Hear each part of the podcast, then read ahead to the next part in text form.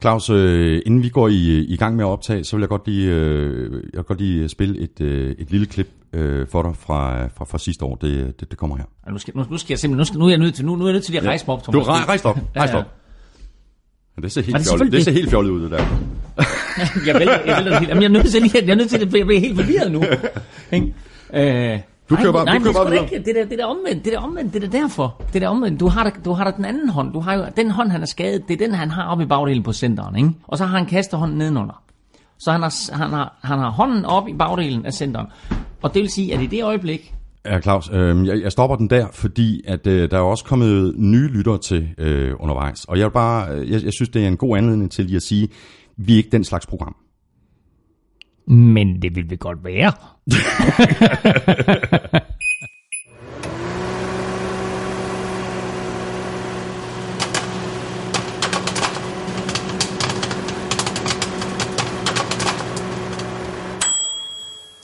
Jep, så er vi i gang, og det betyder, at der er fodbold og popcorn. Du lytter til NFL-showet, der er optaget live on tape og er produceret af Kvartrup Media i samarbejde med Odset på Danske Spil. Og Tafel. Det har været en øh, fuldstændig crazy uge med masser af store trades øh, frem mod trade deadline, hvilket altså ikke plejer at ske i NFL. Det kommer vi selvfølgelig til at bruge en del krudt på. Og derudover så kan du se frem til, at vi går kampene igennem fra uge 8 og så frem mod næste spillerunde. Og så er der selvfølgelig øh, fantasy tips fra Korsmede, Dick quiz fra Amstrup, Otze quiz fra Danske Spil og ugen spiller fra Tafel. Og hvis du er en rigtig gambler, jamen så kan du allerede nu godt glæde dig til spiltip fra Elming. Du kan abonnere og downloade de sædvanlige steder i øh, iTunes på diverse podcast-apps til Android-telefoner, så kan du selvfølgelig lytte på nflshow.dk, på gulklyd.dk, i SoundCloud og på Stitcher. Tusind tak til alle, der har valgt at støtte os med et øh, valgfrit beløb på tier.dk eller via det link, der ligger på nflshowet.dk. Der kommer flere og flere til, og det sætter vi stor pris på, ligesom vi også er glade for alle de fine anmeldelser i iTunes. Tak fordi du downloader og lytter. Jeg hedder Thomas Kvartrup, og her kommer min medvært. Skål Vikings, let's win this game. Skål Vikings, honor your name. Skål, Elming. Skål! Skål. Skål i... Øh, Du har te, og du har ja, sodavand, og jeg, ja, det, jeg nøjes med hele det sodavand. kører. Skål, Skål! og velkommen til. Godt at se dig igen. Og i lige måde øh, hjemvendt efter en fabelagtig tur til London, hvor der selv på Twickenham lød sådan her.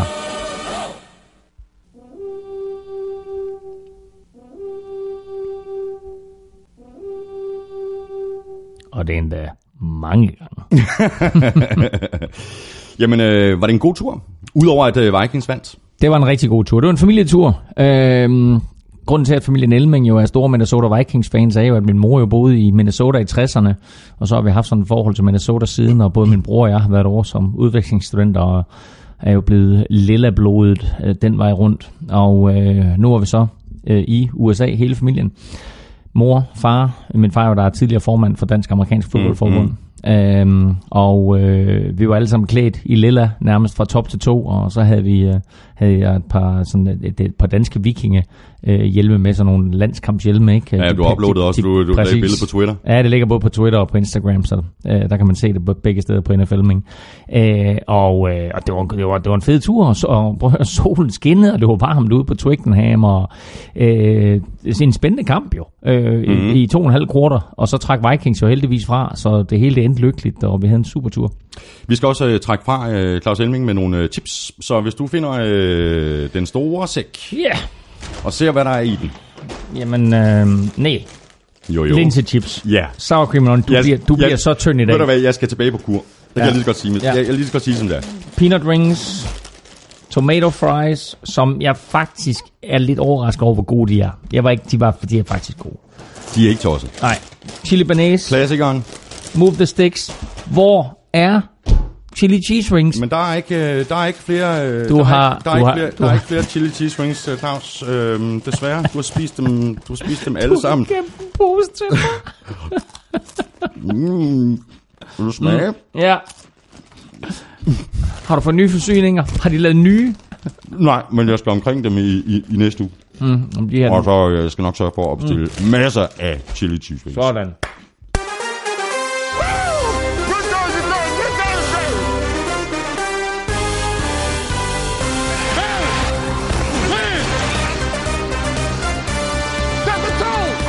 Det har været en fuldstændig vanvittig uge i NFL. 49ers har måske fået deres franchise quarterback i Jimmy Garoppolo. Patriots traded ham for et andet rundevalg i næste års draft. Var det for billigt sluppet for 49ers, og hvorfor lod Patriots ham gå?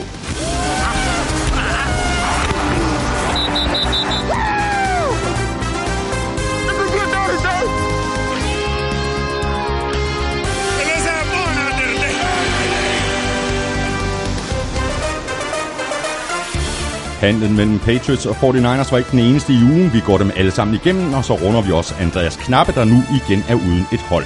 Og så ser vi selvfølgelig tilbage på 8. spillerunde og frem mod uge 9. Jeg hedder Thomas Kvartrup, og med mig har jeg Claus Elming.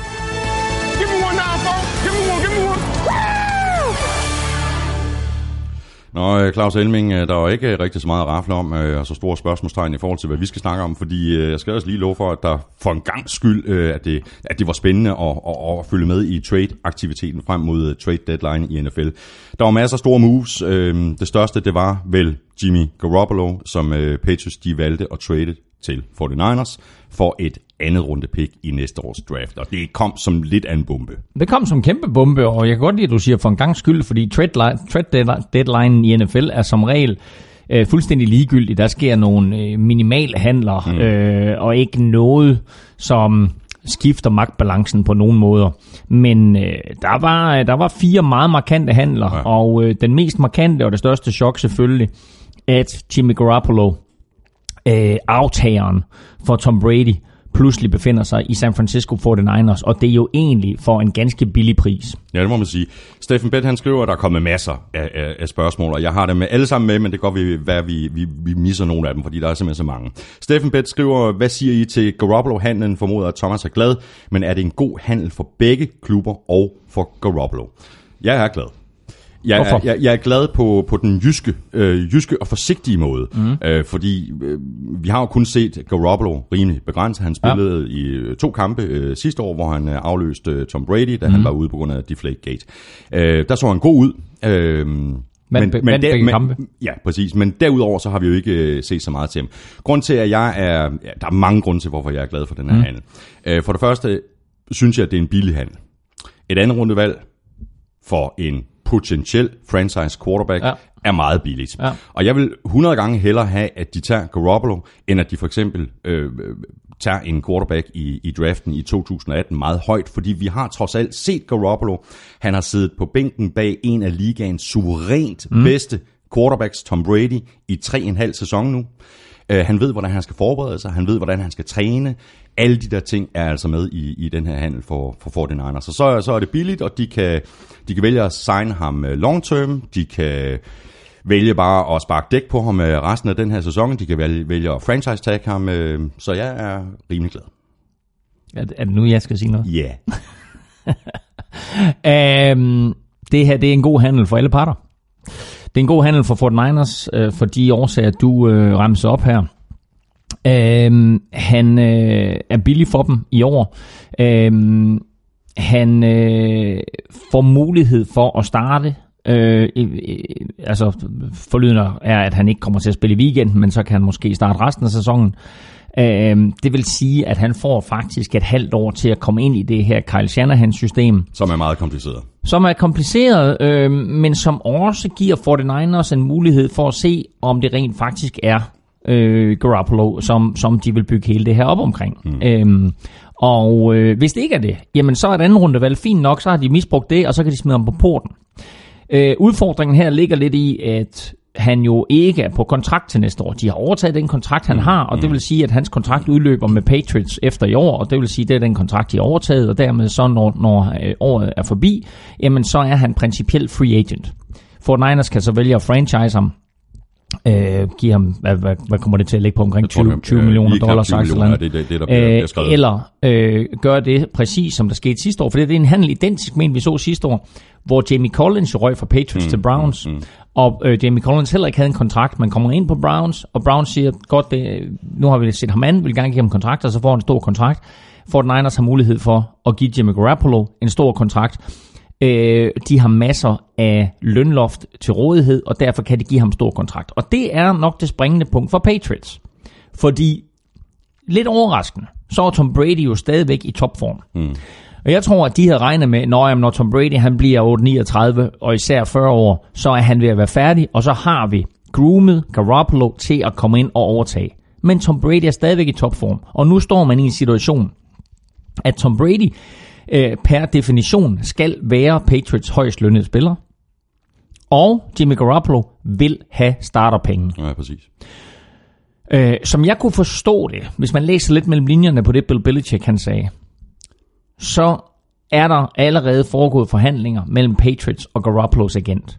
Og Garoppolos agent har ikke lagt skjul på, hans spiller skal have minimum de der 20, måske endda 25 millioner dollars om året. Mm.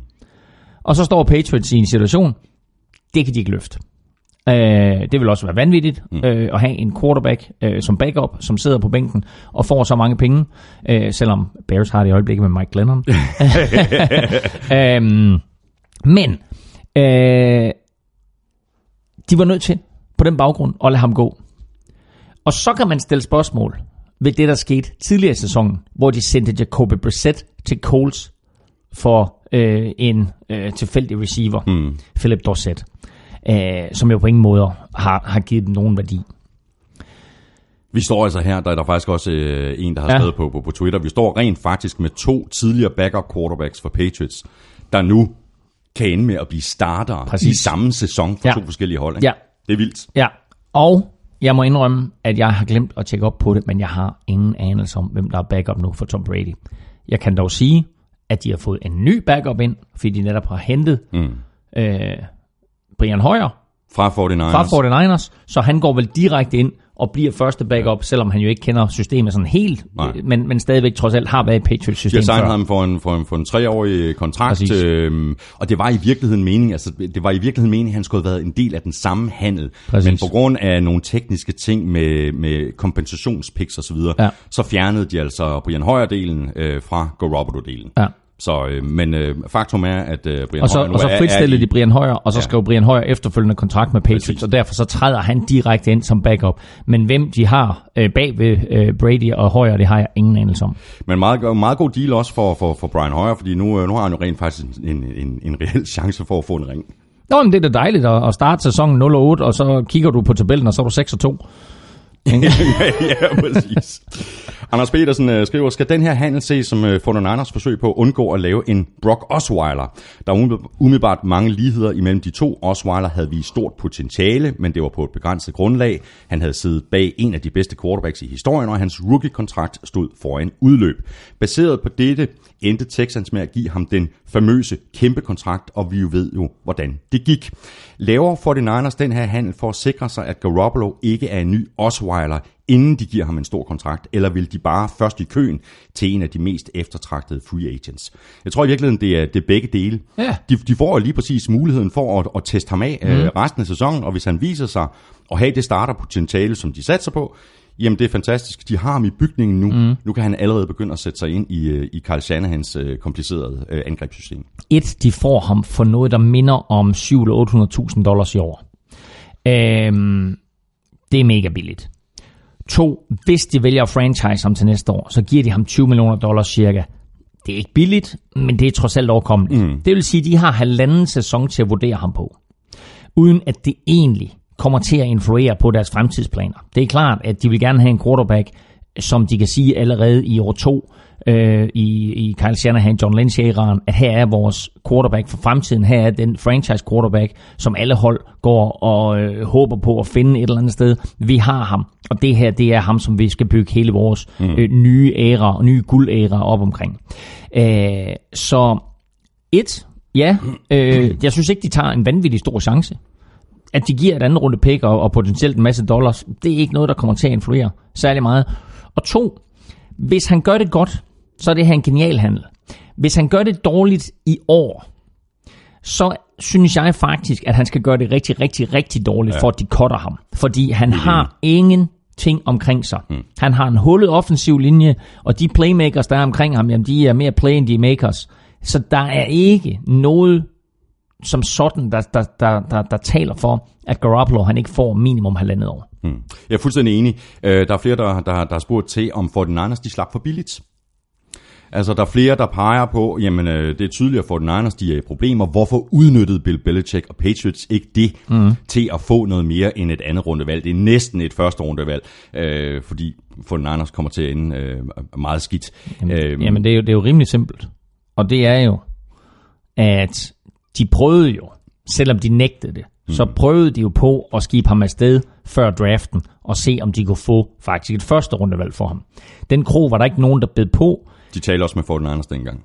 De talte med 49ers, og de talte med Browns, mm. og Browns tilbød øh, et andet rundevalg, plus lidt mere, tror jeg. Mm. Øh, men på det tidspunkt, der bed Patriots ikke på. Nu er vi halvvejs ind i sæsonen. Tom Brady ligner sig selv. Garoppolo er free agent efter sæsonen. Hvis sæsonen slutter, så er Garoppolo fri til at tage hvorhen han end ønsker. Øh, og så får Patriots lige nøjagtigt 0 og niks. Mm. Nu får de faktisk et andet rundevalg. Og hvis 49ers taber, lad os sige 4 eller 6 af de sidste kampe, så er det altså et, et, et top 3 valg. Ikke? Det er selvfølgelig ikke første runde, men det andet valg, men det er anden runde. Og det vil sige, det er enten, lad os sige, pick 33, 34 eller 35-agtigt et eller andet. Og der er faktisk, øh, det er faktisk næsten bedre at, at, at vælge som nummer 33 eller 34, i stedet for i slutningen af første runde, fordi så er der nogle kontraktmæssige vilkår, som holdet skal leve op til, som man ikke skal, når det er et andet rundevalg. Så det er rigtig lækkert for Patriots at vælge øverst i anden runde. Og der er en lille ekstra ting, og det er, at første runde jo foregår om torsdagen. Og det vil sige, når første runde er forbi, så har du et helt døgn til at øh, få indgået handler med andre, hvis du kan bruge det der pick i en eller anden sammenhæng, præcis. eller måske endda revurdere, hvad er det helt præcis, mm. vi vil med det her pick. Hvor det er sådan, du godt kan blive lidt presset øh, med de 10 minutter, du har til at foretage dit valg. Lad os nu sige, det var pick 31 eller 32, og ja, der går et par ja. spillere inden, du tænker, shit, det var dem, vi gerne ville have haft. Mm. Nu har du altså et helt døgn til lige at gentænke det hele, og måske endda få indgået en handel et eller andet sted. Præcis. Og bare lige for, nå undskyld, Øh, nej, hvad vil du sige? bare lige for at slå en, en, en krølle på det her med, med, med, med picks i, i, i næste års draft, jamen så her, det, her, det stiller jo også 49ers i en meget, meget gunstig position. Hvis de mener, at de har deres quarterback for fremtiden, mm. så har de et meget højt øh, første rundevalg, som de kan begynde at handle med, ligesom de gjorde i det her års mm. draft. Altså simpelthen trade ned, og ja. så simpelthen pinpointe, men med hvad er det for nogle spillere, vi skal have. Vi skal have noget på den offensive linje, vi skal have ja. nogle offensive playmakers, vi skal have øh, noget i secondaryen, osv. Ja, Der er simpelthen mere at handle med, ikke? Og flere muligheder. Ja, ja. Øhm, og, og det var det, de gjorde i år, hvor de traded ned fra, øh, hvor, hvor Bears traded op og fik Trubisky, de traded mm. ned og fik Solomon Thomas.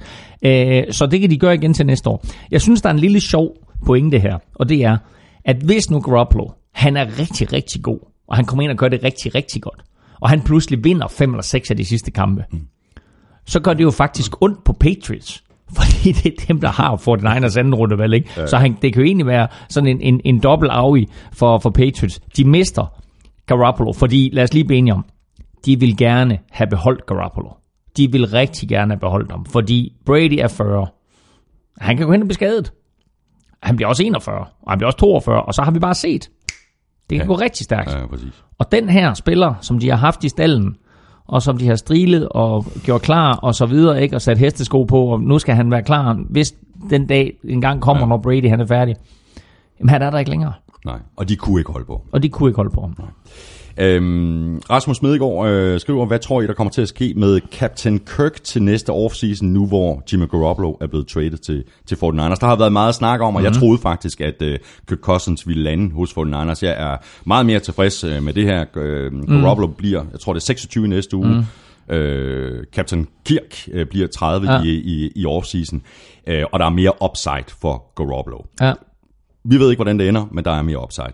Øhm, men det har selvfølgelig, øhm, der, er, der, der er et hold mindre for, for Kirk Cousins, mm.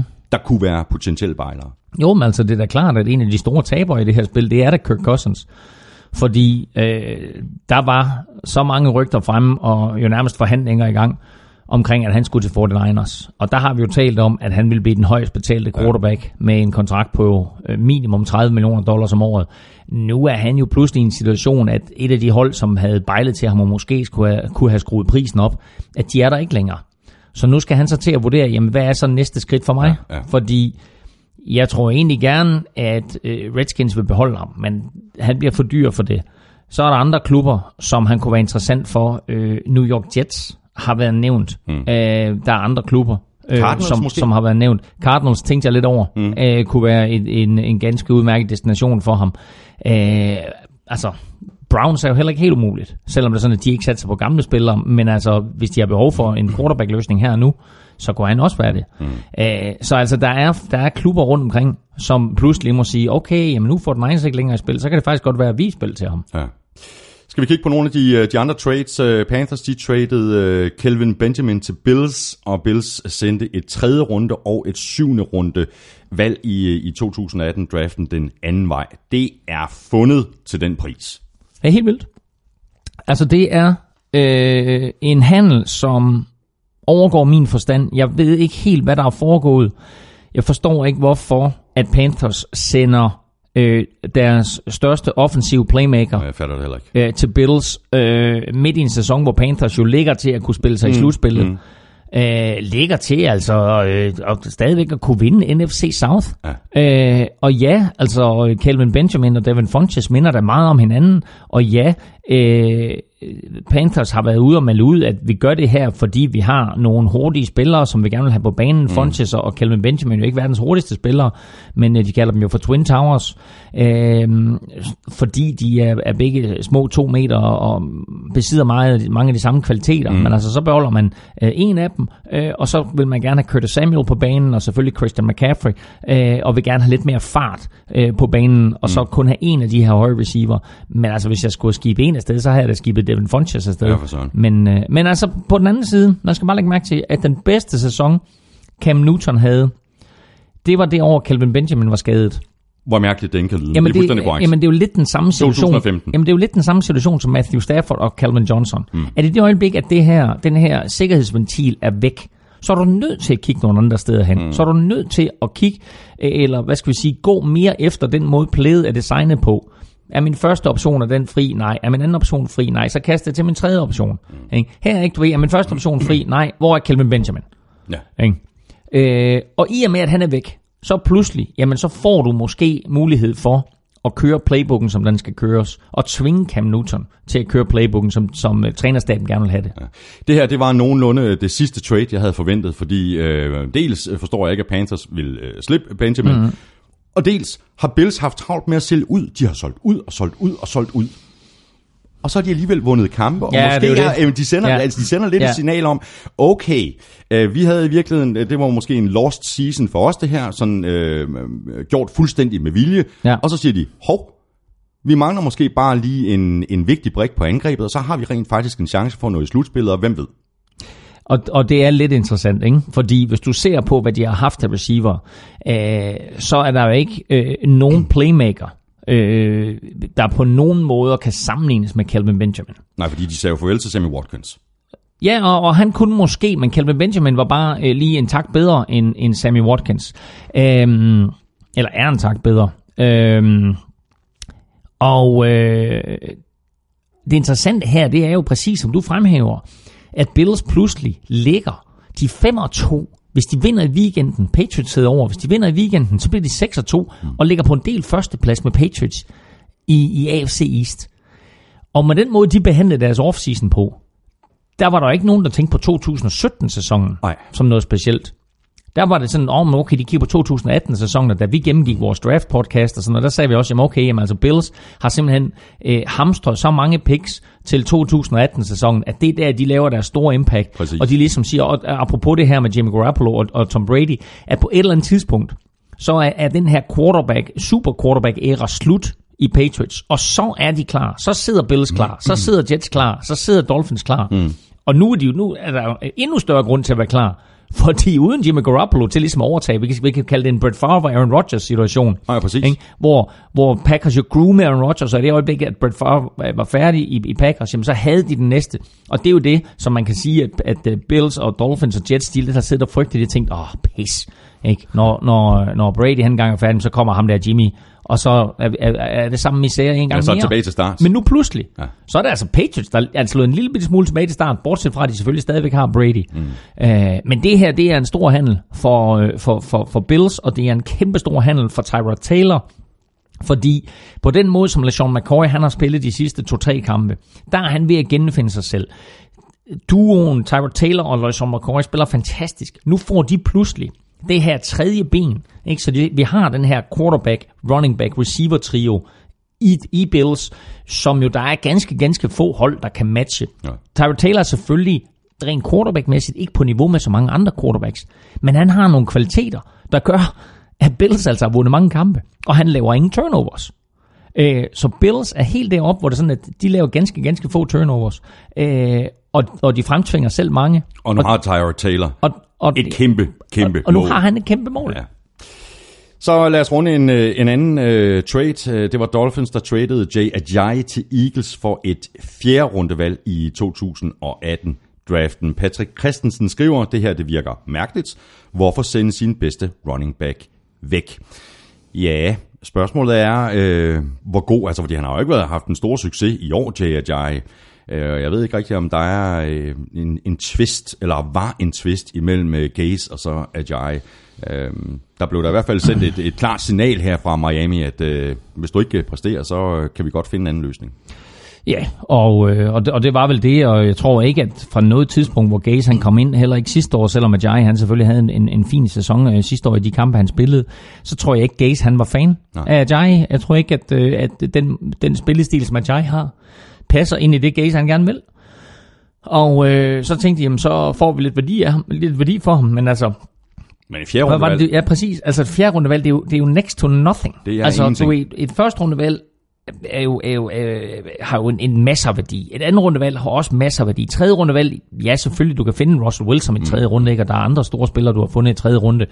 Øhm, men fjerde rundevalg, så skal du altså ned, du ved, der er mange fjerde rundevalg, der bliver draftet, som jo aldrig kommer på holdet. Mm. Øh, så at de får et fjerde rundevalg for det, altså det, det er next to nothing for Dolphins. det, det, ja, og, og det er billigt for Eagles, der nu er- får altså et, et, et, et komplementært våben til LeGarrette Blunt, ikke? Og det her, det gør det bare noget nemmere for Carson Wentz at være quarterback. Og de kører med klatten i øjeblikket, Eagles, og deres offensive linje fungerer. Så det bliver spændende at se, hvordan Ajayi kommer til at gøre det bag Eagles offensive linje, i stedet for Miamis knap så gode offensive linje. Og Eagles mistede tackle Jason Peters for sæsonen. Og det viste sig allerede i søndags. Mm. Carson Wentz blev sækket tre gange, blev ramt yderligere syv gange. Øh, Så det er en mangel, at han ikke er der. Hvad gør man så? Så henter man en ny venstre tackle ind? Nej. Man henter en running back ind. Fordi med en running back, som kan løbe bag en, en offensiv linje, som faktisk er rigtig, rigtig dygtig runblocker med eller uden Jason Peters, så tager du nemlig presset af Carson Wentz. Så kan du begynde at lave play-action fakes. Du giver dem lidt mere tid. Øh, og det er en genial handel for Eagles, det her. Altså Eagles blev forstærket i en grad, som der ikke var nogen, der havde forventet inden den her trade, trade deadline. Mm. Og det her, det er et øh, kæmpe slag for øh, Vikings, Saints, Seahawks, de andre øh, klubber i NFC, som havde håbet på at nå langt i år. Mm. Og så må vi se, hvem der kommer til at overtage øh, running back uh, jobbet øh, i Miami, om det bliver Damian Williams eller Kenyon Drake. Øh, det er sådan lidt, øh, lad os nu vente og se øh, situation. Øhm, så er der hjælp til øh, Seahawks offensiv linje. Texans traded left tackle Dwayne Brown og øh, modtog øh, til gengæld et øh, tredje runde pick i 2018 og et andet runde pick i 2019. Øhm, vi har talt om den her øh, offensive linje i Seattle øh, i flere år. Mm. Nu har de fået hjælp. Det er, det er en af de bedste left tackles i ligaen her. Jeg tror, han var han er 32 år, mm. han, har, han, har, han har sandsynligvis mange gode år, år, tilbage i ligaen. Ja, og, og det er jo en ganske interessant handel, øh, fordi øh, han har jo siddet udenfor hele sæsonen. Det her, han spillede i søndags, det var hans første kamp overhovedet, og ironisk nok, så var det jo imod Seattle, øh, i Seattle. Øh, så øh, øh, han, han spillede på sin nye hjemmebane, og øh, spiller jo en, en fænomenal kamp. Øh, han, er inde, han spiller 68 af 71 snaps i sin første kamp tilbage, og er jo en del af et angreb, som smider 38 point på tavlen, mm. øh, og spiller øh, måske den bedste kamp overhovedet i det her vanvittige shootout imod Seattle Seahawks, som vi kommer tilbage til senere. Øh, han giver Texans øh, en god venstre tackle, men de siger, prøv at høre, der er så mange issues her. Det er ikke kun, at du har lavet holdout. der er, Der var problemer. Der er, Der var- der er problemer på de interne linjer, som Præcis. Måske ikke er blevet offentliggjort. Så han bliver skibet afsted øh, til Seahawks, og Seahawks giver så en spiller, Jeremy Lane, en cornerback, som, som øh, Texans principielt havde brug for, men han består ikke øh, den fysiske test, og der er Seahawks i en situation, at de desperate siger, vi vil have Dwayne Brown, mm. vi vil have ham, vi er nødt til at få den her handel til at fungere, og så bliver øh, Jeremy Lane i stedet for til et anden rundevalg i 2019. Så er der en lille kompensation, og det er så, at, øh, at øh, Dwayne Brown øh, og et femte rundevalg fra Texans ryger til Seahawks, og de så får et andet og tredje Og, og rundevalg. tredje rundevalg i, i 18, ikke? Jamen, altså, Dwayne Brown har et femte rundevalg fra Texans til Seahawks, Godt. og Seahawks sender et anden rundevalg og et tredje rundevalg til, øh, til, til, til, altså Seahawks sender mm, et andet og et tredje rundevalg til Texans. Så det, det er sådan der, sådan lidt, lidt en spejet handel, men altså en, en, jeg tror en god deal for, for Texans på den lange bane med lidt draft picks, de kan bruge, men en her nu handel for Seahawks, som giver dem noget stabilitet på den venstre tackle, som Russell Wilson nærmest aldrig har haft. Trust me, øh, han, i- trust me, han er glad. I den karriere, han ja. har haft i, i Seattle. Han er selvfølgelig glad. Mm. en man gør ikke alt, men venstre tackle er exceptionelt vigtigt. Ja. Så har vi Bills, der traded defensive tackle uh, Marcel Darius til uh, Jaguars for et 6. runde pick i, i 2018, øh, og uh, Jaguars har et af de dårligste run defenses i ligaen, og måske er uh, Darius som en mand, der kan hjælpe dem til at, at vinde uh, AFC South. Altså, det er jo, det er jo bevist med, med stor tydelighed, at man ikke kan kaste bolden på, øh, på Jaguars, og forsøger du at kaste den, så er der lige så stor chance for, at dine egne spillere griber dem, som når nogle af Jaguars spillere griber den. Men det har så også betydet, at, at øh, NFL-angreb har fundet ud af, at skal man besejre Jaguars, øh, så er man nødt til at løbe bolden. Mm. Og øh, der henter de altså Darius i Bills, som jo har været øh, ganske utilfreds med at være i Buffalo, og øh, på trods af, at han er en rigtig dygtig spiller, har haft svært ved at få spilletid i år Og rigtig dyr. Øh, og er rigtig dyr også. Øhm, fik en kæmpe kontrakt øh, sidste år, mener jeg det var. Mm-hmm. Øhm, og øh, Jaguars havde fint råd til at hente ham ind. Så øh, de hiver ham ind og opgraderer omgående deres løbeforsvar. Øh, nu må vi så se, om, om det er en opgradering, om han formår at, at, at gøre det godt, om han, om han er en impact. Fordi hvis vi ser på, hvad Sheldon Richardson han har gjort for Seahawks, så er det jo ikke ligefrem, fordi han har mm. bragt det der ekstra, øh, altså den, den ekstra force ind, som vi havde regnet med, han ville. Lad os nu se, hvad Marcel Darius han kan. Øh, Det kan godt være en af de her meget, meget vigtige brækker for Jaguars forsvar. Og så var der jo nogle, øh, nogle andre øh, små trades, øh, som ikke er så vigtige som dem, vi lige har talt om. Der var blandt andet øh, cornerback øh, Rashad Robinson, der er blevet øh, traded fra 49ers øh, til Jets for et øh, endnu ikke offentliggjort øh, valg i 2018 draft. Men lad os så tale om en, en trade, der var aftalt, men som så ikke blev effektueret. mm. øh, Browns blev enige med Bengals om, at øh, de skulle have øh, quarterback AJ McCarron. De jublede.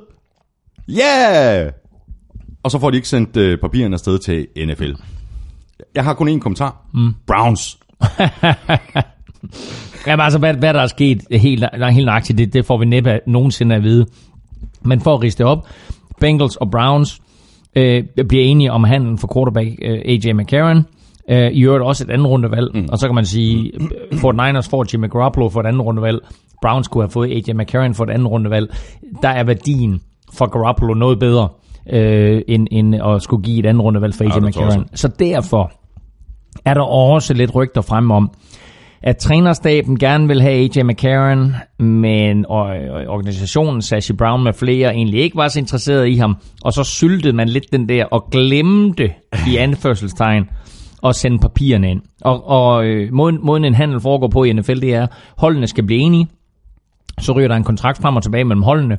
Helt ganske standard officielle papirer, som alle hold har liggende. Og når de papirer så er udfyldt fra begge holds side, så skal begge hold sende papirerne ind til NFL. Og der har Browns jo været ude og melde ud, at øh, jamen, vi troede Bengals gjorde det. Øh, men det ved alle i, i organisationen øverst op, som står for de her spillerhandler og kontrakter. De ved godt, at man skal sende det ind. Så det der er i mine øjne med, at de siger, at det troede vi Bengals gjorde, at det tror jeg på, det er røgslør. Fordi altså, at, at de melder det ud, synes jeg er helt vanvittigt, for det sætter bare i, i et enormt dårligt lys. Men jeg tror simpelthen ikke på, at de glemte det. Fedt at være AJ McCarron i den her situation.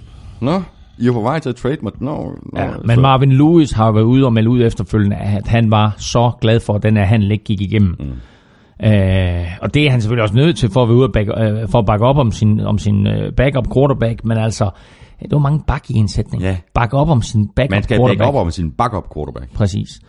Øhm, og Det var sjovt, han hed Bak, men det gør han ikke. Nej, anyway. Øhm, Prøv lige lidt.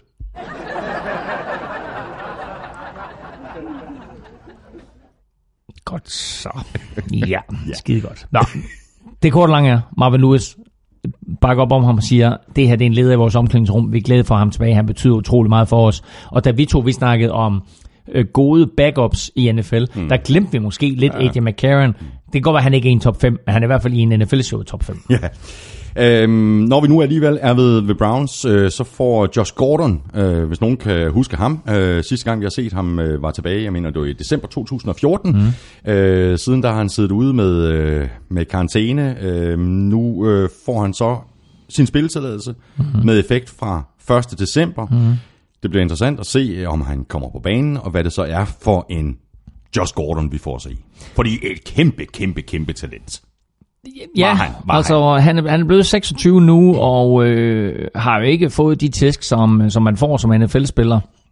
Jeg så et billede af ham øh, her tidligere i dag, og der stod han altså sammen med øh, Randy Moss, øh, Mike Evans, øh, Odell Beckham Jr. og en mere. Øh, de havde trænet sammen i sommer, mm. øh, så han har holdt sig i form, og han så sådan rimelig skarp ud. Og man skal bare lige tænke tilbage på, at sidst han var i NFL, der førte han NFL i receiving yards, og han spillede kun 14 kampe. Han havde 1600 et eller Han andet. var, et- han var et monster. Han havde 1600 et eller andet yards, og han spillede 14 kampe. Mm. Øh, han var et monster. Øh, utrolig eksplosiv. Øh, gode hænder. Høj, lang, meget Randy Moss-agtig faktisk i sin bygning. Øh, og øh, nu, nu har han fået sin spilletilladelse med sådan en lille appendix på, at øh, nu har du en måned til, at øh, hvor du kommer ind i organisationen, får lov til at træne lidt med. Jeg tror, den første uge her, der var det sådan noget med, at du ved, der skulle han lige udfylde nogle papirer, og så fra i næste uge af, der må han så træne med. Og så må han så træne med indtil den 24. Øh, eller 26. november, et eller andet, og så må han så blive aktiveret der omkring 1. december, og så kan han så være klar til den første kamp i december. Mm. Og det bliver ret interessant at se, hvad han kan. Øh, en god receiver kræver altid en god quarterback. Men en god receiver kan også gøre en quarterback bedre. Mm. Så øh, ganske sjovt at se, øh, hvem der på det tidspunkt er quarterback for Browns, og hvordan han formår at udnytte Josh Gordon, og om Josh Gordon kan holde sig fra kagedåsen. Fordi kan han ikke det, Ja, så er det slut. så er det slut. Ja. En øh, god receiver kan gøre en øh, quarterback bedre. En god running back kan også gøre en quarterback bedre. Og Zeke, ja, nu ser det ud til, at, øh, at fælden er klappet der, og at han skal sidde ude i, i seks kampe. Ezekiel Elliott har fået stadfæstet sin karantæne. Hans jurister gik selvfølgelig, som de har gjort to eller tre gange før, ind og sagde, nå, jamen det appellerer vi. Men der sagde dommeren, vi vil ikke acceptere den her appel. Og dermed, så er hans karantæne nu med effekt fra den kommende weekend og seks uger frem. Christian Norbæk øh, skriver, skulle Cowboys og Zeke bare have et de seks kampes karantæne fra starten af sæsonen, satse på at gå 3-3 i de kampe, for at derefter at have en frisk Zeke klar til resten af sæsonen. Nu mangler de ham i kampene mod Chiefs, Falcons, Eagles, Chargers, Redskins og Giants. Mm. Fem på papiret, meget svære at opgøre. Fire kampene er godt nok på hjemmebane, men alligevel et stort hul midt i sæsonen. Jeg så deres øh, kamp på samme hotelbar som Elming i London, mm. og Zeke er det helt store omdrejningspunkt på Cowboys angreb. Men spørgsmålet er, burde Cowboys og Zeke bare have et den her fra begyndelsen? Jamen det skulle de jo ikke, hvis det er sådan, at de mener, at han er uskyldig.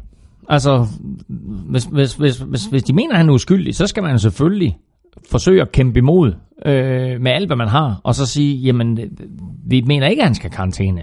Og du har også set Tom Brady's karantæne blive udskudt et helt år. Der har været andre eksempler på spillere, der har fået udskudt deres karantæne et helt år. Øh, eller mere for den sags skyld. Øhm, og jeg tror, at Cowboys på en eller anden måde havde håbet og troet på, at øh, de her juridiske genstridigheder og trækken i langdrag og så videre, at det kunne have forhalet sagen nok mm. til, at, øh, at, at det de har kørende lige nu, øh, at der kunne de have haft den her sæson med ham mm. øh, i spil hele sæsonen. Øh, så nej, øh, altså det er nemt at være bagklog og sige, ja, det skulle man da bare have gjort, og så sige, fint nok, vi tager den karantæne. Øh, man kunne måske også dengang have sagt, fint nok, vi tager karantænen, men så lad os aftale, at det bliver fire kampe.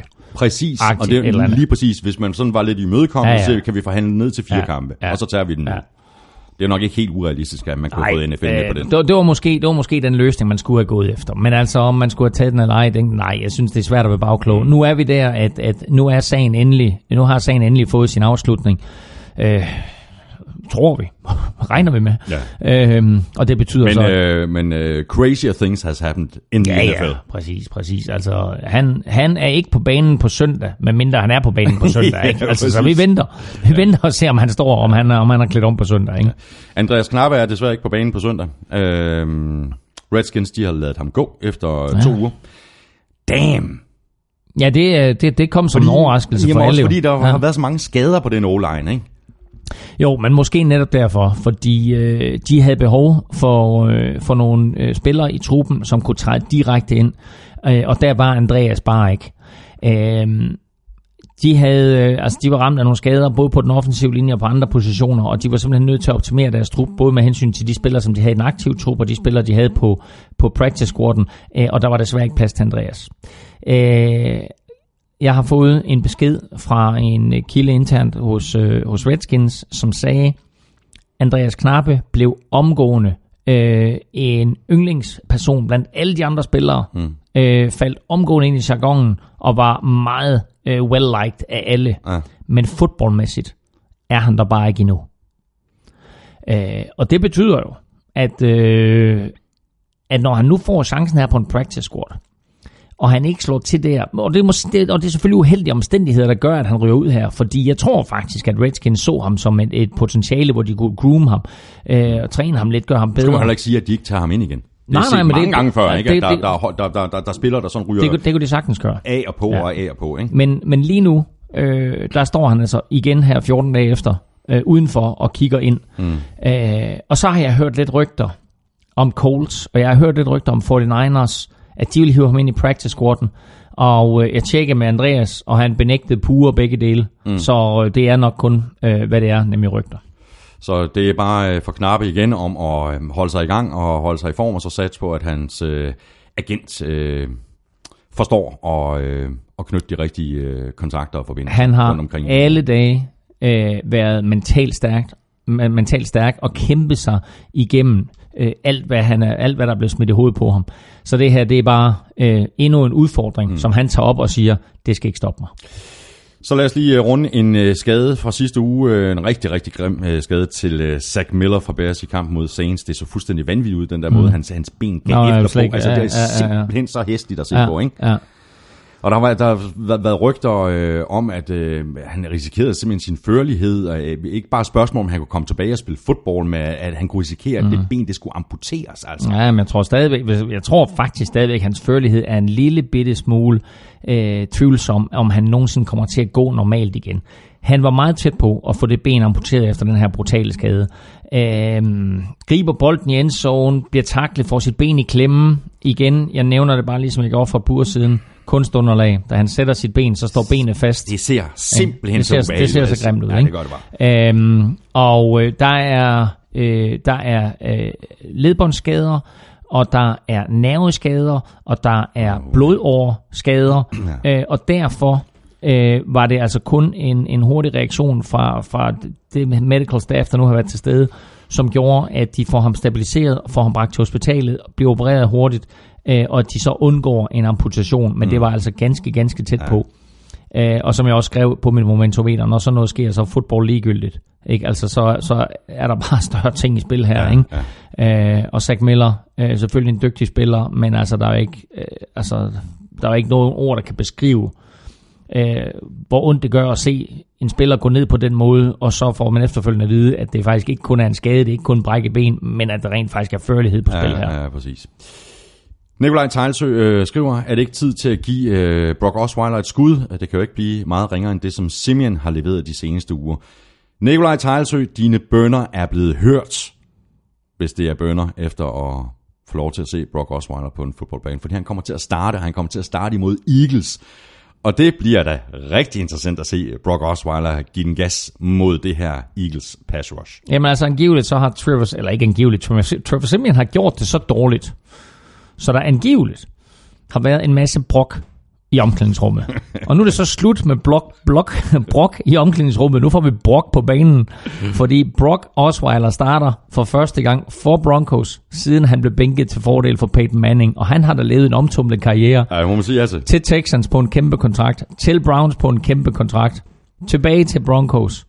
Øh, og nu øh, som backup, øh, og, og jo egentlig kun backup, fordi Paxton Lynch var skadet, og så havde Broncos lige brug for en backup, mens Paxton Lynch var skadet. Nu er Trevor Simmons så dårlig, så nu er man nødt til at sætte en ny spiller ind. Værsgo, here you go, presenting Brock, Brock Osweiler. Så vi nok lige et par, øh, par spørgsmål mere, før vi går i gang med øh, kampene. Vi skal også have noget fantasy, og vi skal også sætte noget, noget quiz i gang. Øh, Mathias, øh, Mathias Friborg skriver, Hej Kvartrup Elming, først og fremmest mange tak for et godt program. Selv tak. Jeg har kun set NFL i tre år, men jeg lærer altid noget nyt, når jeg hører jeres show, så tak for det. Jeg har bestilt billetter til øh, turen til Washington med gul klud slash LA Travel, hvor jeg skal se Giants Redskins, Texans Ravens samt Packers Steelers. Jeg har, siden jeg bestilte, været helt oppe at køre over, inden jeg skulle se NFL live. Det er jeg stadigvæk, men jeg ved ikke, hvad jeg skal forvente, da jeg efter spil uge 6 kunne se profil efter profil på alle seks hold blive skadet. Og øh, så store spillere som Ben Roethlisberger og Manning er ustabile, og nu er Andreas Knappe så også blevet kottet af Redskins. Mm. Mit spørgsmål går på, hvad der eventuelt gør kampene lige så interessante, som de var inden sæsonstart, og kan I eventuelt komme med et bud på, hvor I spår den bedste kamp af de her tre kampe, som han skal overse. Og det er altså Giants Redskins, Texans Ravens og Packers Steelers. Ja, og altså inden ville jeg have klart sagt Packers Steelers, jo, Præcis, men, men, uden- men uden. Aaron Rodgers, der er det jo ikke nær den samme kamp. Uh, Redskins mod Giants er på Thanksgiving Thursday. Vi har planlagt turen sådan, så man kommer til USA og kommer til at se den her kamp på Thanksgiving Thursday. Det er den tredje kamp. Lions og Cowboys spiller jo altid hjemme, og så har NFL så her for en 10 år siden lavet en tredje kamp, og den tredje kamp i år, det er jo altså så Redskins og Lions, eller Redskins og Giants. Men det er, Og- altså, men er det tre fede kampe. Jamen, det er da tre fede kampe. Øh, at, det, men jeg vil sige det på en måde, de var alle tre federe på papiret inden sæsonen. Giants har skuffet, mm. øh, men Giants Redskins øh, har jo noget helt unikt over sig. Øh, Pittsburgh mod Green Bay. Lad os nu se, hvor øh, Brad Huntley han er henne, øh, og hvor meget øh, Packers kan. Øh, og, så, øh, og så den sidste her, Ravens, øh, ja, må vi sige, øh, skuffende sæson af dem. Øh, til gengæld, så vil jeg sige, at få lov til at se Deshaun Watson her i sin rookie-sæson ja, ja. for Texans, øh, og se ham trylle, øh, det kunne godt gå hen og blive ganske interessant. Øh, så øh, hvad du skal forvente, jamen kort fortalt, vi er inde i, øh, det er den sidste weekend i november det her, og det er der, hvor der sådan er foran, de begynder at blive skilt for bukkene. Så Redskins, de skal vinde over Giants, hvis de vil noget. Steelers skal selvfølgelig slå Packers, hvis de vil noget, og Texans skal selvfølgelig slå Ravens, hvis de vil noget, så der er stadigvæk masser på spil. Spørgsmål her fra Lars Elgaard. Øh, så skete det efter 15 år som cheesehead. We're going to Lambo. Billetter sikret mod missekattene fra Detroit. Har I tips til, hvad man specifikt kan holde øje med på banen, som man normalt ikke kan se, når kampen vises på flimmeren? En bestemt spillerposition, sideline, personnel eller måske special teamspil? Tak for et øh, kongeprogram, og så skriver han PS, der er kun ét NFL-showet. Og det har han ret i. hele kongeriget. Øh, jeg vil sige to ting. Det, der er fedt ved at komme til Green Bay, det er, at de har altså noget af det fedeste tailgate. Øh, stod der, hvornår han skulle op? Det var mod Lions. Det var mod Lions, ja. Jeg har faktisk det- ikke helt nej. øh, styr på, hvornår, Nej, men det er, hvornår de nok, spiller. det er nok en gang i december. Eller er det, er det faktisk måske den kommende weekend? De spiller i hvert fald den kommende weekend. Kan du ikke, kan du Jamen, ikke tjekke det? Du har jo computer i gang. Ja, men de spiller den kommende weekend, ved jeg. Øhm, men, øh, lad os se, Lions schedule. Jeg vil sige, med hensyn til det her tailgate, det er så fedt øh, at komme op til, til Green Bay og se, øh, opleve al den her stemning, der er inden øh, kampen går i gang.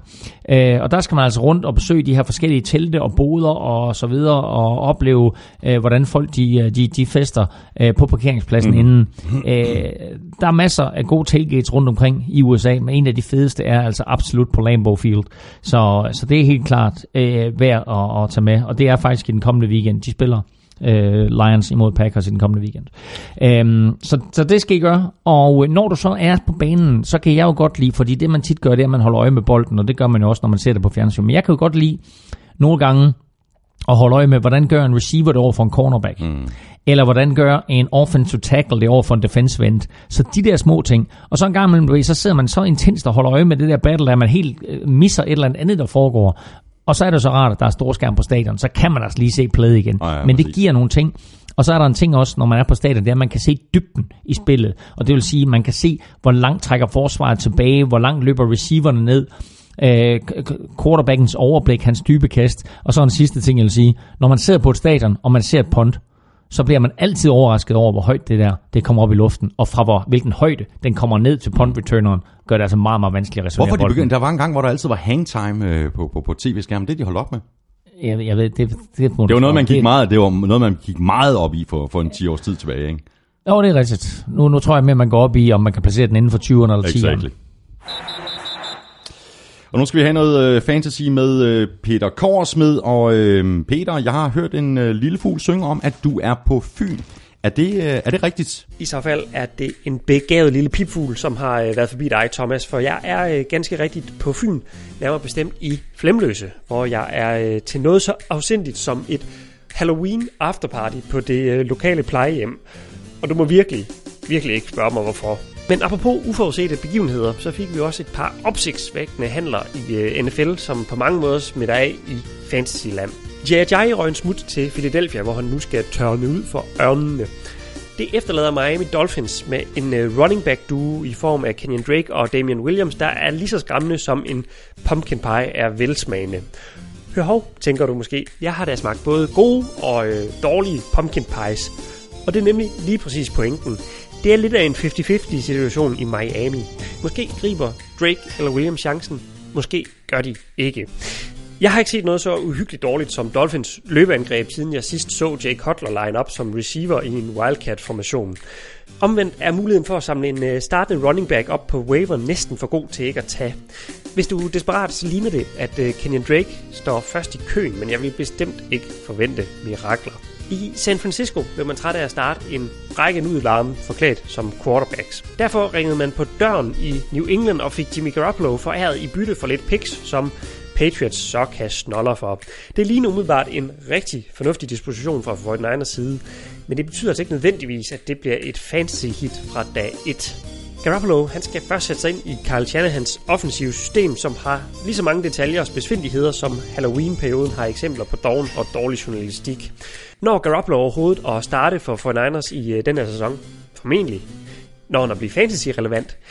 Jeg tvivler lige så kraftigt på det, som på, at det var en 1,28 meter høj David Hasselhoff, der ringede på min dør i forgårs og troede med ballade, hvis ikke han fik slik.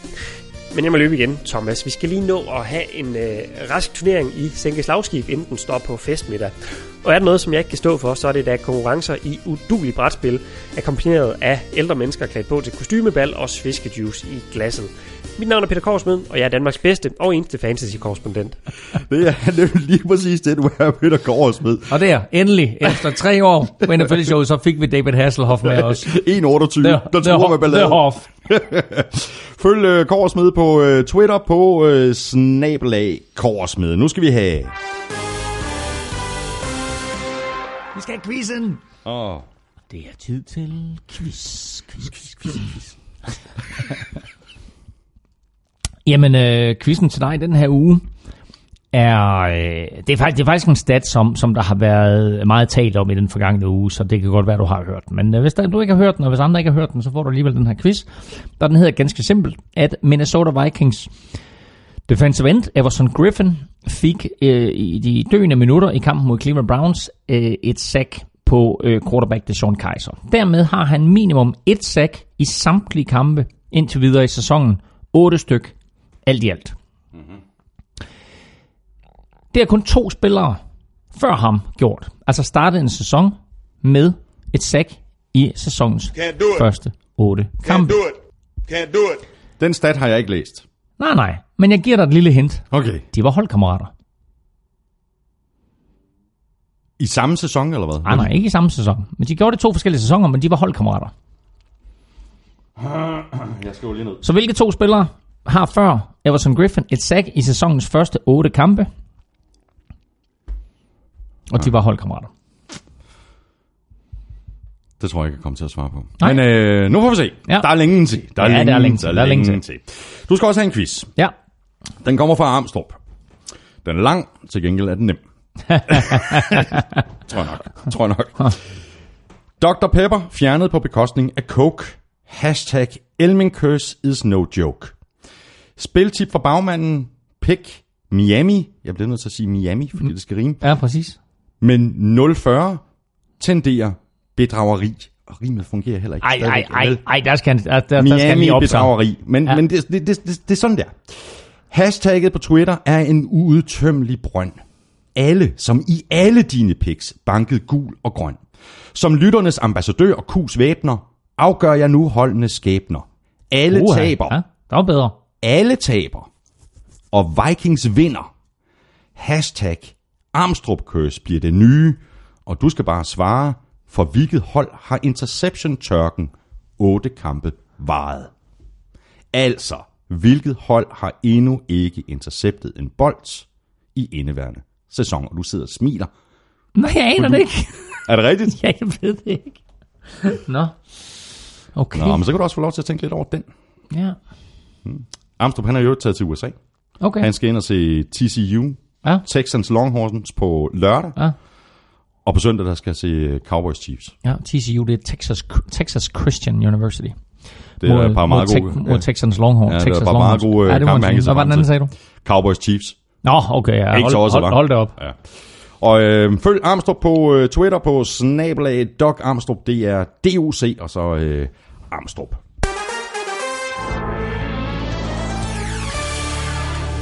Klar, så går vi i gang med kampene. Vi begynder med uh, Thursday Night-kampen mellem Ravens og Dolphins, og det var jo sådan en uh, kamp, hvor du havde et uh, super, super betting-forslag. Lad os lige, uh, lad os lige høre det. Uh, Ravens er simpelthen så elendige. uh, og de spiller hjemme. De spiller mod Dolphins, og Dolphins stiller op med Matt Moore som quarterback. Jeg kan ikke i min vildeste fantasi begribe, hvorfor Dolphins giver 2,65 for en sejr. Spil den. Det er den her uges absolut bedste bet. Spil den! Det er ugens oh, absolut bedste Jamen, bet. jamen altså... Det er ikke for ingenting, at Danske Spil er sponsor på den her podcast, vel? De skal have pengene hjem på en eller anden måde, jo. Ravens vandt 40-0. Ja, det, okay. 40-0 øh, endte jo med at blive decideret pinligt.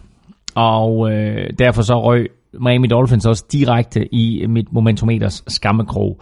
Øhm, men når det så er sagt, så var det jo ikke en 40-0 sejr. Øh, Dolphins formøblede nogle muligheder. Øh, Matt Moore kastede to pick sixes. Den ene var helt igennem forfærdelig. Det var et kast, der blev interceptet i den danske miniput-liga og returneret for et touchdown. Når man kaster en out, så skal der juice, altså så skal der fuld speed på den bold. Mm. Og, øh, og så skal den ligge øh, sådan ud mod sidelinjen, så kun receiveren kan få fat i den. Her der var den kastet uden fart på. Cornerbacken kunne nærmest basere direkte ind og gribe den foran receiveren, og så havde han øh, 40 yard til, øh, altså uberørt til touchdown. Øh, det var en meget, meget skidt indsats af Matt Moore i anden halvleg.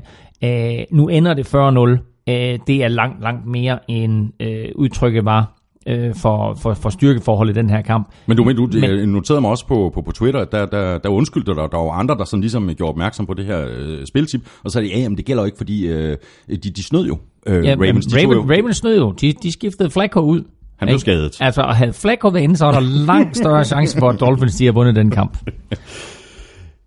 Alex Collins, første gang over 100 yards, øh, 18 løb, 113 yards. Øh, det bliver spændende at se det her one-two punch for Ravens, når, når Woodhead han, øh, kommer tilbage. Øh, sandsynligvis i, sådan, som jeg har kunne læse mig til i u 11. Ja. Men altså med de store øh, problemer på running back, som Seattle Seahawks har, der tror jeg godt, at de gerne vil have haft Alex Collins øh, i deres trup lige nu. Men han, er altså, han spiller altså nu for Baltimore Ravens, og øh, er da helt klart øh, blevet deres første valg på running back. Øh, og jeg er ikke engang sikker på, at der nødvendigvis kommer et one-two punch. Danny Woodhead er selvfølgelig en, en øh, fin receiving back på tredje down, men, øh, men jeg tror, Alex Collins han har etableret sig selv mm. som, øh, som første running back, uden, uden tvivl der.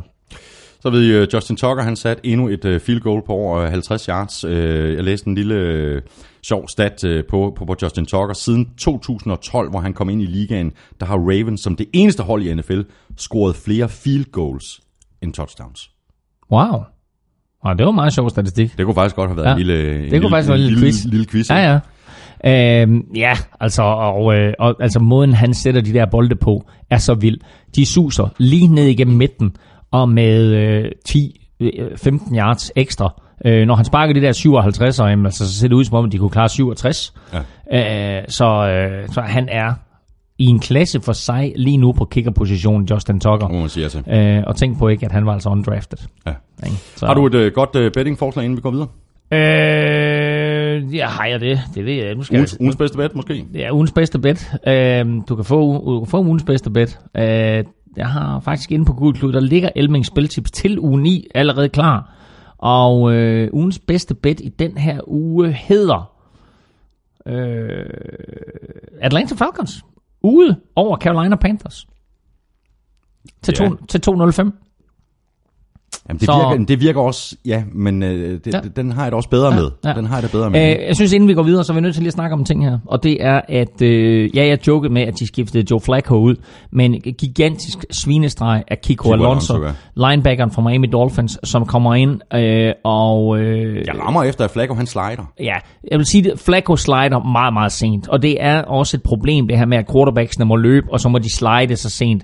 Øh, Jeg synes, der burde sættes en regel ind om, at, øh, at de skal starte deres slide tidligere. For det der med at, at få øh, helt, helt, helt, helt optimal antal yards, eller nærmest centimeter, mm. inden de slider, øh, det gør det umuligt for, for forsvaret at spille de der situationer. det, det, men, men, det er en svær regel at indføre, ikke? Du skal slide tidligere. Hvor, hvor, hvornår så? Jamen, med altså- en meters afstand til forsvarsspilleren? Eller to Jo, jo, men, men, men du lægger stadigvæk pres på forsvarsspilleren, fordi hvis, hvis quarterbacken han så lige pludselig, du ved, ikke slider, hvad gør forsvaret så? Enig. Fuldstændig enig. Men Kiko Alonso, går, Flacco slider, Kiko Alonso han øh, går ned, og i en halv meters højde, der rammer han Flacco i hovedet med øh, sin skulderbeskytter, og Flacco han går ud som et lys.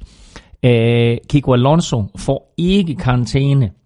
Øh, og nu har vi haft de her situationer med, med Danny Trevathan over for Davante Adams, og der var Andrew Sandejo over for Mike Wallace, øh, hvor både Trevathan og, øh, og, og Sandejo får karantæne.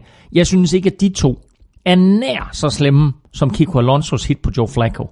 Så her er der ingen kontinuitet i den måde, NFL øh, bedømmer sagerne på. Jeg forstår simpelthen ikke, at Kiko Alonso ikke fik et øh, øh, minimum en spildags karantæne for det her. Ravens, de er 4-4, og de skal til øh, Tennessee og møde Titans. Dolphins, de er 4-3, og de får besøg af Raiders. Jeg glæder mig til at høre, hvad du, øh, hvad du vælger i picks i den mm. kamp. Så videre til London-kampen mellem Browns og Vikings. Du -du.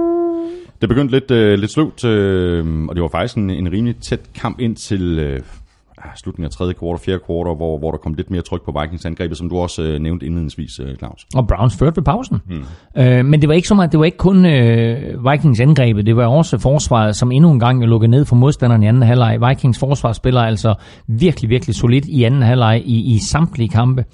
Og så var det også et spørgsmål om, at Browns i første halvleg blev ved med øh, at lave store plays, stort kickoff return, stort punt return, turnover, langt løb, og da de ligesom var slut med at have øh, flere store spil i posen, så havde de ikke noget at hamle op med, så havde de ikke noget, der kunne matche Minnesota Vikings, og så blev det en komfortabel sejr på 33-16. Mm. Øh, sejrens størrelse stod ikke mål med, hvor tæt den her kamp var i de første to og en halv kvarter.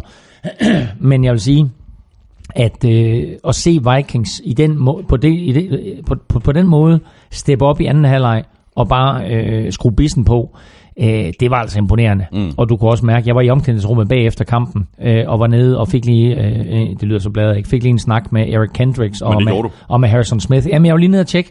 Øh, også fordi Everson Griffin fik det her 8. sack. Og øh, spurgte dem lige, og, og, og de er sådan meget, det er jo meget politisk korrekt, det de siger. Øh, så jeg spurgte dem både om, hvordan det var at spille i London, men også hvor meget det betød det her med det sack. Mm. Og øh, så, så siger de sådan, uh, yeah, but that, was fine, uh, but it's just a small thing, we're on to the next game. Ja. Ikke? Altså, så, så det er jo ikke sådan, du ved, de er jo ikke sådan helt ekstatiske. Men øh, jeg vil, der var jo et par spillere, jeg gerne ville have talt med. Jeg kunne også gerne have spurgt Everson Griffin omkring det her, men ham kunne jeg ikke komme til at tale med, fordi han skulle så ind til den officielle preskonference. Så det viser også lidt om, hvor stor han er i øjeblikket mm. for Minnesota Vikings, hvor meget det her det betyder, fordi det var altså, øh, det var altså Case Keenum, quarterbacken, så var det Everson Griffin, og så var det de to receivers, Stefan Diggs og Adam- Thielen, som var inde øh, til, øh, til Ja, og preskonferencen. Dix var tilbage efter at have været ude øh, med en skade i, et, i et par uger. Øh, blev ikke brugt så meget ned ad banen, som han ellers øh, bliver, men øh, bare hans tilstedeværelse gjorde jo, at Adam Thielen fik endnu en god kamp. Ikke? Og Adam Thielen, altså hatten af for ham, undrafted, øh, hvid receiver.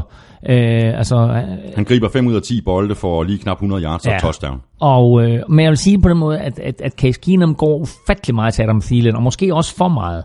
Øh, og øh, Stefan Dix er selvfølgelig ikke 100% endnu. Han, han trækker en øh, dyb pass interference på et tidspunkt, som er, er vigtig for, for, for Vikings også. De kaster et, et touchdown til Kyle Rudolph umiddelbart bagefter. Men...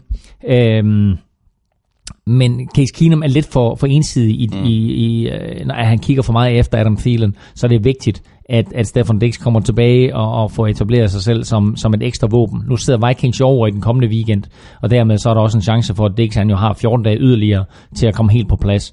Øh, og så er der jo en ny interessant situation, og det er også, at de her 14 dage, jamen øh, der er Teddy Bridgewater jo klar. Og jeg, jeg talte med Teddy Bridgewater i omklædningsrummet. Det vil sige, den samtale, jeg havde med ham, var meget, meget kort, fordi jeg gik hen, og han stod helt alene. Der var ingen omkring ham. Så gik jeg hen, så sagde jeg, øh, Teddy, hi, I'm Klaus from Denmark. Så kigger han på mig, så siger han så, I haven't spoken to reporters since I got injured. Og smilede What? til mig, og, du ved, og så sagde jeg, okay, fint nok. Og så, så gik jeg væk, og han vendte sig om. Ah. Øh, men nu må vi se, om han kommer til at tale med reporter igen, eller journalister igen, fordi der er altså en sandsynlighed for, at han starter om 14 dage, når Vikings spiller mod Redskins. Så har vi en slags øh, breaking news her, fordi uh, Deshaun Kaiser startede kampen, og han spillede hele kampen. Han kastede ingen interceptions. Det er da sådan lidt breaking news-agtigt. Hvis du skal ødelægge vores show med sådan noget pis der, så gider jeg ikke være med mere. Vi er ikke den slags show. Vi Men, er øh, fixeret på huller, og hvad man kan komme op i de huller. Jeg gider ikke sådan noget. Sådan noget pjat. Nej, og det er faktisk rigtigt. Øh, Ja, så, og de havde gameplanen klar til ham. øh, Der skulle, øh, han skulle af med den bold Ja. lyn hurtigt, så han kunne øh, slippe for at, at møde det her pass rush for Vikings. Ikke? Præcis. Og det, det virkede jo faktisk. Det virkede. Øhm, de, de gjorde det rigtig godt, og han gjorde det godt i, i to og en halv quarter, Øh, og så var det ligesom slut, fordi så, så, så var det Vikings forsvar, de stedede op. Harrison Smith var altså helt igennem fantastisk igen øh, på safety-positionen. Øh, Everson Griffin øh, kæmpede og kæmpede og kæmpede og fik til sidst øh, sit sack. Øh, Andrew Sandejo var ikke med for Minnesota Vikings, og det betød faktisk, at det første touchdown, som Brown scorer, det er lige der, hvor Andrew Sandejo vil være. Anthony Harris, som, som kom ind og overtog for Sandejo, mistimer fuldstændig sin, øh, sit tilløb og sin takling, øh, og så scorer øh, øh, Isaiah Crowell på, øh, på et, et, et langt løb, øh, 40 yards eller noget i den retning. Øh, og, og det var sådan lidt, det var sådan lidt en chokker, hvor man tænkte, okay, fordi jeg, altså, alle de her store stjerner, vi har nævnt, Altså, øh, en af de mest undervurderede spillere på det Minnesota Vikings forsvar, det er den her anden safety, ikke Harrison Smith, men Andrew Sandejo. Mm. Og øh, da, da han gik ud sidste år, der faldt Vikings forsvar sammen, og nu manglede han igen mod Browns, og det var lige ved at gå galt Ja, igen. ja. Men, øh, men han er tilbage. Jeg har en lille ekstra quiz til dig her. Yes. Øhm, og det er fordi, øh, der er sket jo to ting. Nu havde du breaking news her på det Sean Kaiser, der både startede og sluttede kampen, og måske spillede en, en ganske udmærket kamp. Øh, det er en quarterback, som, som, som Browns har. Øh, de prøvede på at få AJ McCarron ind. Den deal øh, gik, som vi talte om tidligere, i vasken. Øh, men ved du, hvilken quarterback Browns betaler flest penge i år? Brock. Ja, okay, fint nok. Ja, Brock Osweiler. Deres quarterback-situation hedder, det er Sean Kaiser får 900.000 dollars, Cody Kessler får 770.000 dollars, Kevin Hogan får 540.000 dollars, Brock Osweiler får 16 millioner dollars. ja, præcis. jeg troede faktisk, det var et trick question. ah, nej. Uh, okay. Øhm, jamen, øh, lad os bare runde den kamp af, øh, Claus. Øh, Vikings, de er 6 og 2. Øh, Browns, de er 0 og 8, og begge hold, de går på, øh, på deres øh, bye week. Og så fik øh, Falcons brudt deres øh, dårlige steam med, hvad var det, tre nederlag i øh, træk. De vandt ude over Jets med 25-20. Der er stadigvæk rigtig lang vej op til det der Falcons angreb, vi så øh, sidste år. De var i red zone seks gange og scorede kun to touch- touchdowns. Øh, det var ikke sket sidste år. Heller ikke selvom det havde regnet, som det gjorde i, i den her kamp i, i rige mængder. Nej, øh, men altså, øh, jeg vil sige, øh, Jets gjorde, hvad de kunne, og øh, Jets smed vel også selv sejren væk, fordi øh, Jeremy Curley fumblede på et punt, punt return, og der var et par andre situationer, hvor de i den grad havde chancen. Det her, det er stadigvæk ikke det Falcons hold. Vi så sli- sidste år, det er slet ikke så eksplosivt, og det er slet ikke i stand til at lukke kampe på samme måde, som vi så sidste år. Øh, så Falcons skal prise sig lykkelige for, at de vinder den her kamp, øh, og skal prise sig lykkelig for, at, at Jets ikke lige har bare lige en lille tand ekstra Fordi havde de haft det, så havde Jets også vundet den her kamp. Og det er altså forskellen på, om Jets de lige nu øh, var 5 og 3, i stedet for være 3 og 5. Øh, så altså, Jets er slet ikke så tosset, Nej, er de og, og. Falcons er slet ikke så gode. Og Jets, de har scoret på deres åbningsdrive nu i tre kampe i træk, og mm. de har tabt alle tre kampe. Mm. Øh, jamen altså, øh, det er de, det er de øh, små øh, marginaler, og så en kamp, øh, hvor vi så, jamen at Ryan han fumblede tre gange i forbindelse med snappet, mm. ikke? og det Ja. ja. kan, kan også godt have noget at gøre med regnvejret, men det er ikke noget sundhedstegn. Nej, men det, har, altså det, det, det, det vil jeg give skylden til regnvejret, fordi det regnede jo fuldstændig vanvittigt på den amerikanske østkyst, så alle de kampe, der blev spillet der, var jo på en eller anden måde influeret af det her. Øh, men altså Jets, øh, igen, øh, er de foran. Øh, de var foran mod Patriots, de var foran mod Dolphins, og nu her er de foran efter tre quarters imod, imod Falcons. Altså de fører efter tre quarters. Ja. Øh, og jeg tjekker op på en, på en lille interessant statistik, og det er, at øh, Jets har tabt fjerde quarter i år med 76-20. Øh, og det er bare svært at vinde kampe, så skal du altså være langt foran, hvis du ja. taber fjerde quarter med 76-20. Og her ikke, altså det er godt nok, så tager de kun 9-3 i, i fjerde quarter, men det er nok til, at, mm. at Falcons tager sejren 25-20. Øh, der skal ske noget for det her Falcons-mandskab. Altså, de er jo ganske, ganske tæt på, og, og man også sige, altså, de holder sig jo til. De er 4-3 lige nu, øh, og, øh, og, og jo på ingen måde ude af en division, som også huser New Orleans Saints og, og Carolina Panthers, og så skuffelsen Tampa Bay Buccaneers. Men den kamp, de kommer til i weekenden, imod Carolina, som jeg lige sagde, var, var ugens bedste bet, ja. det er altså en vigtig kamp for ja, begge er mandskaber. super vigtig kamp. Panthers er pludselig uden Calvin Benjamin. Cam Newton skal justere sig til livet uden Calvin Benjamin. Mm. Og den her kamp for Falcons er måske faktisk vigtigere for dem, end den er for Panthers. Panthers er 5 og 3, Falcons er 4 og 3.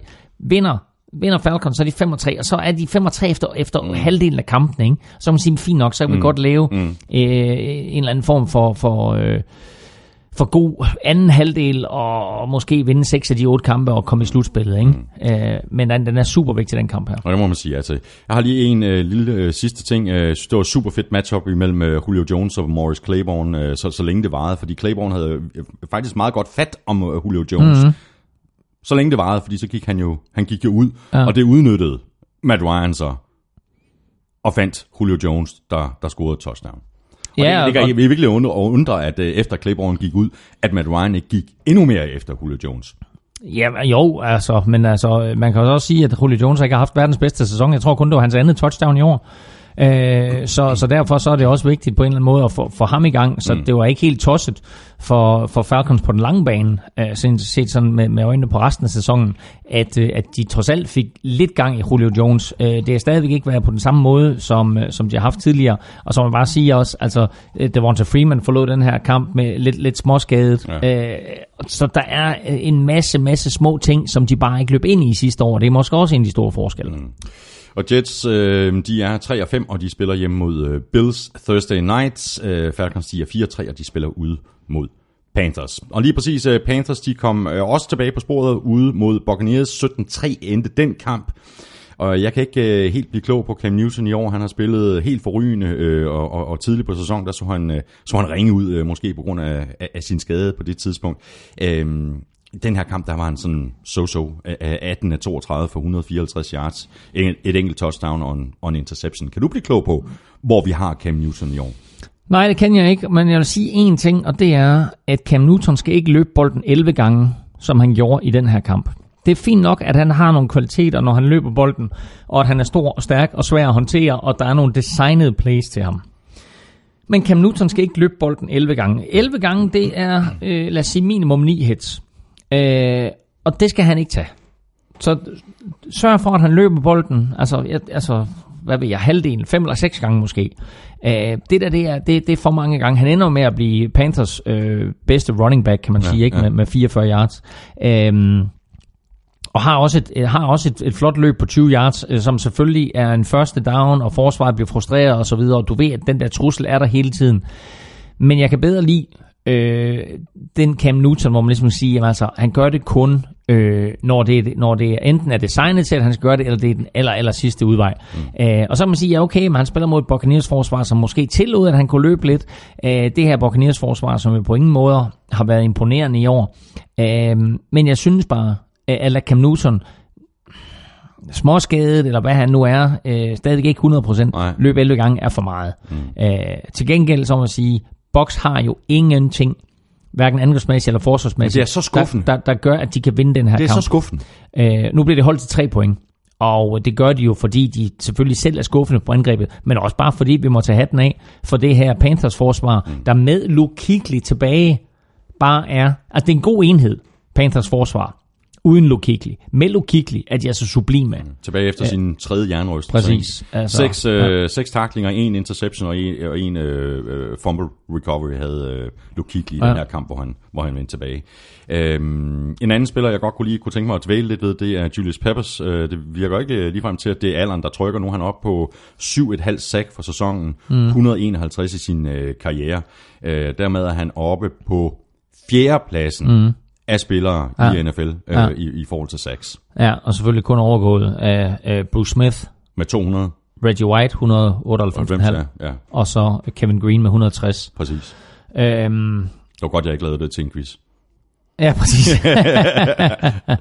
øh, men det interessante for, for Julius Peppers er også, at øh, han kommer jo tilbage, du ved, efter at han ligesom har, har holdt et par års fri fra Carolina Panthers, hvor han har øh, bevæget sig op i det kolde nord i, i Green Bay og i, i Chicago. Så kommer han tilbage til Carolina, og så siger de, at okay, fint, han får lov til at slutte sin karriere her. Mm. Men han har været, han har været en impact-spiller, altså han har jo givet dem noget pass rush, og øh, nu er han på, hvad er han på alt i alt nu? Han er på, øh, han er på 7-6 nu, ikke?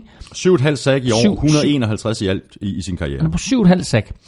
Det syvende sack, han havde, det udløste en bonus på 250.000 dollars.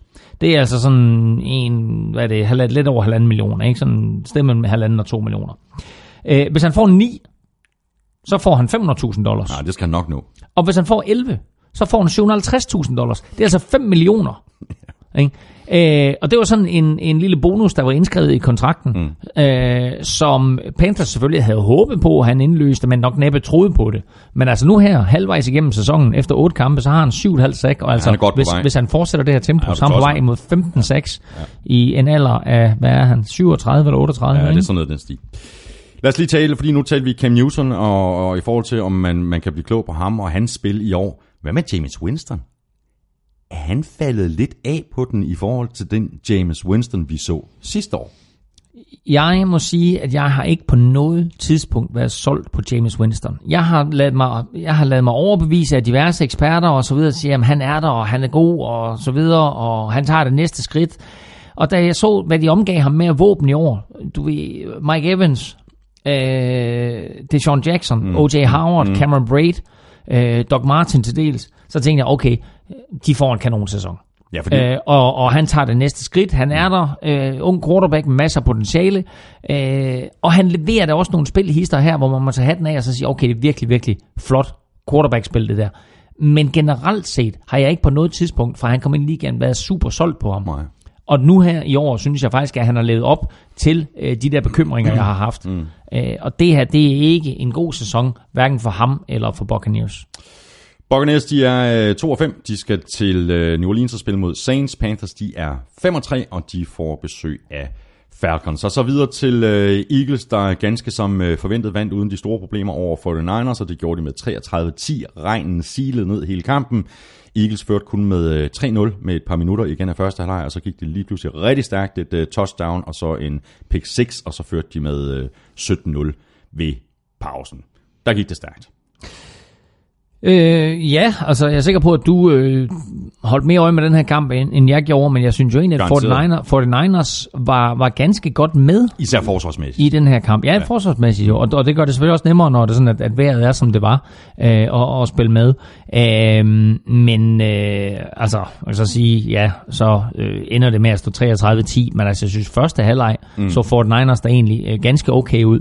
Øh, men altså, man må så også sige, at de sidste to uger, der efter at de spillede fem kampe i træk for Niners, hvor de tabte med tre eller færre point, mm. så har de altså tabt de to sidste med 57 point meget, til meget, sammen. meget, meget komfortabelt har de tabt. Ja.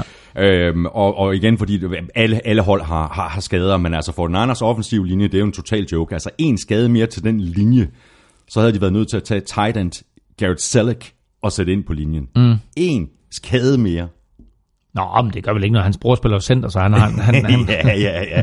Ej, men det viser bare noget Ja. ja. om, altså, de er, de, de er ret hårdt. øh, De Ja, er ret hårdt og nu er det egentlig sjovt, at spiller hans bror. Hans bror, hans bror spiller der center for, for Eagles. Så de, det er jeg slet ikke tænkt på, at de har da mødtes her i weekenden.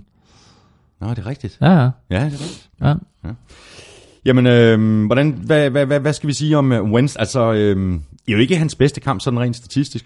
Nu pissede det også ned, Ja. ja. øh, kan man sige. Altså 18 af 32 for 211 yards, to touchdowns, og så en enkelt øh, interception. Øh, jeg har stadigvæk, altså jeg, jeg kan slet ikke sige, hvor højt oppe Wentz han er på min liste over quarterbacks mm. i den her liga. Nej. Og sådan har jeg haft det med ham, lige siden han kom ind i, øh, i, i ligaen sidste år. Ja. Øh, jamen altså, vi talte også om ham meget, i meget høje vendinger sidste år, og så var det, han faldt lidt af på den, og, øh, men altså den måde, han har spillet på i år, øh, er jo på meget, meget højt niveau. Øh, han blev en lille bitte smule udstillet i den her kamp, som jeg nævnte tidligere, i og med, at Jason Peters manglede på den mm, der venstre tackle, og det var, ja, vil du sige hans navn, der spiller på venstre tackle? Du får, ja, hvis jeg siger hans efternavn, Vejtaj, vil du så sige hans fornavn? Nej, du tager bare det hele. Harley Vejtaj. Ja, præcis. Ej, Jeg tror, han hedder Harley Puliavati Vejtaj. Det gør han garanteret ikke, men øh, nej, det gør var han et godt forsøg. Ja, men, men han spiller på den venstre tackle nu, og man må bare sige, at i kastesituationer, der er den venstre side bare ikke beskyttet lige så godt, som den var med Jason Peters. Som jeg nævnte tidligere, han bliver sækket tre gange i den her kamp. Han bliver ramt yderligere syv. Det er første gang i år, at han er under den type pres. Selvfølgelig var det mod et Fort Niners mandskab, som har en god defensiv front. Øh, måske deres største styrke overhovedet mm, på det her mandskab. Uden tvivl. Øh, men alligevel, så er det der en lille bitte smule bekymrende set på den lange bane, og måske også derfor, at de hæver Jai ind for ligesom at aflaste lidt, øh, og måske en dag også kunne, kunne hjælpe lidt med at, at, at blokere i den venstre side. Øh, men øh, generelt, øh, så gør Eagles det, som gode hold gør, og det er selv i svære situationer, så vinder de kampene. Øh, det her, det var sådan en, en, en, en, en lidt en fælde, Det er jo lige præcis en potentiel trap game, ikke? hvor, øh, hvor øh, du ved, de kommer ind af de store favoritter, og de spiller egentlig mod et hold, som ikke rigtig har noget at spille for, men, men, men du ved, kunne gå hen og overraske. Og der sagde Eagles bare, nej, det kommer ikke til at ske. Nej. Ikke? Så de vinder, øh, og vinder for sjette gang i træk. Og her kom der faktisk lige nøjagtigt oplægget til det, der måske skulle have været min quiz til dig. Nemlig, Eagles har vundet seks kampe i træk. Kun et andet hold har i år vundet fem kampe i træk. Hvem? Øh, Chiefs?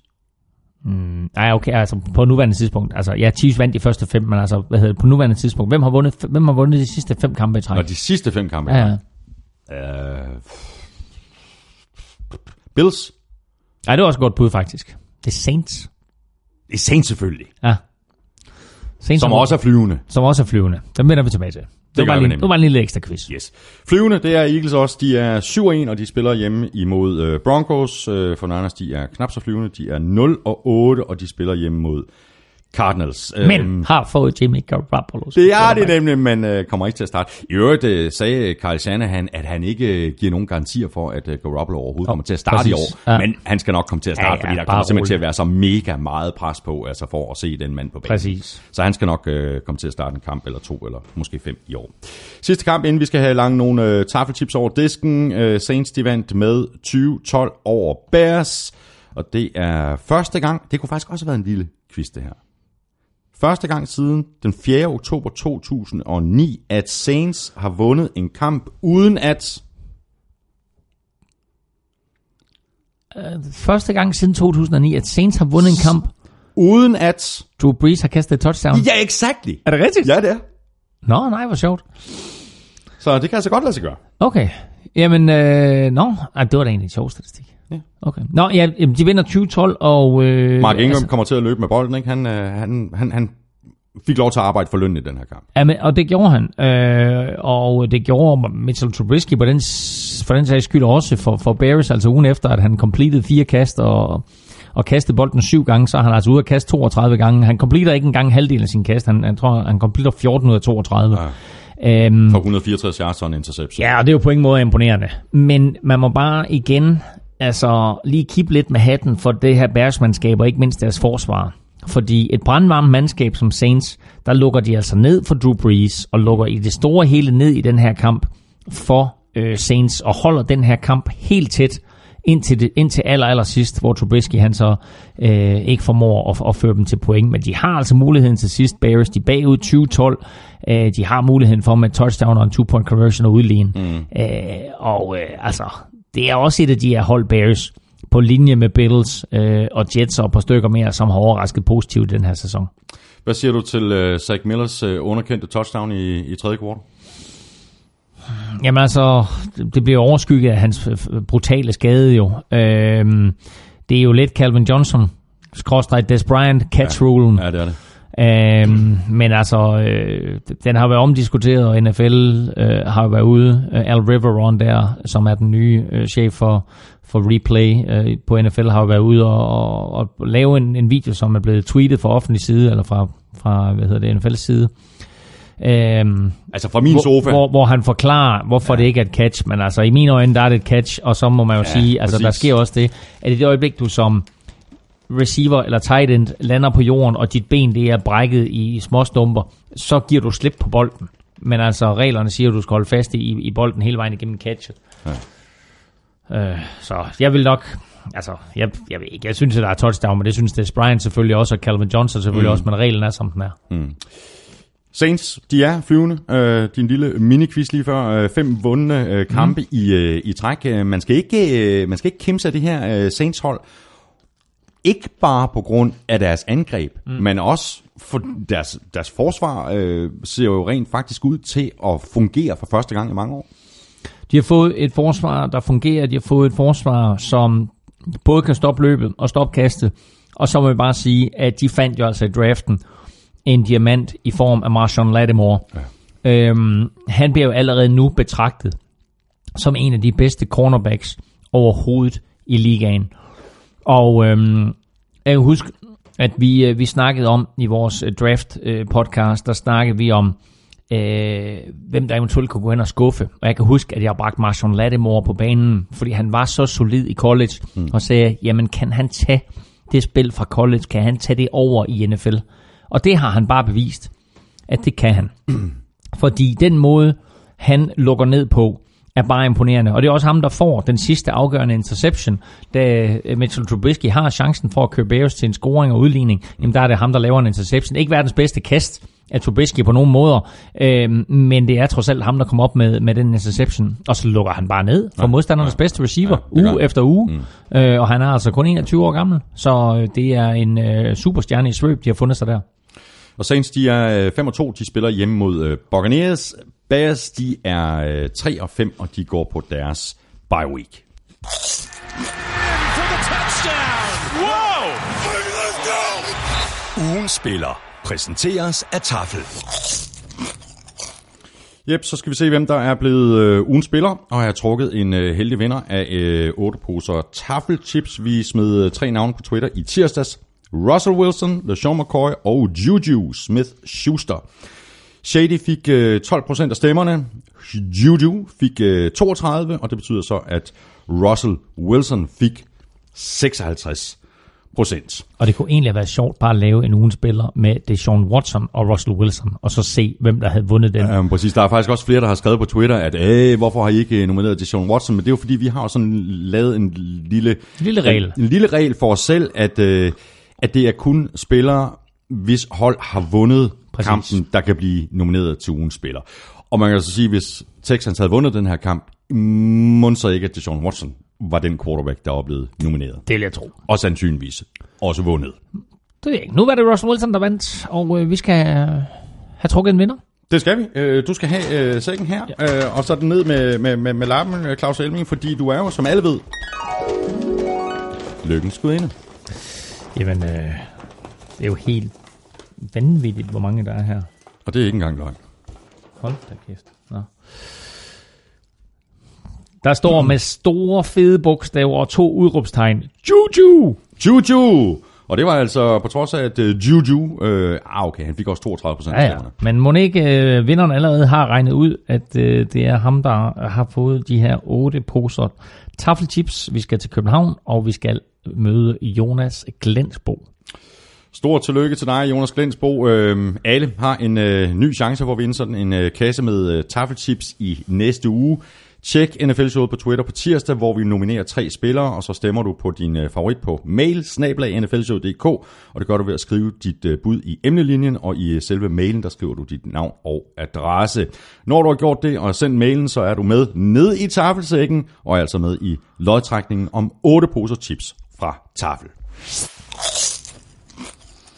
Så er vi tilbage til øh, kampene. Claus, øh, Patriots de vandt med 21-13 over Chargers. Øh, det blev ikke sådan det helt store angrebsmæssige festfyrværkeri.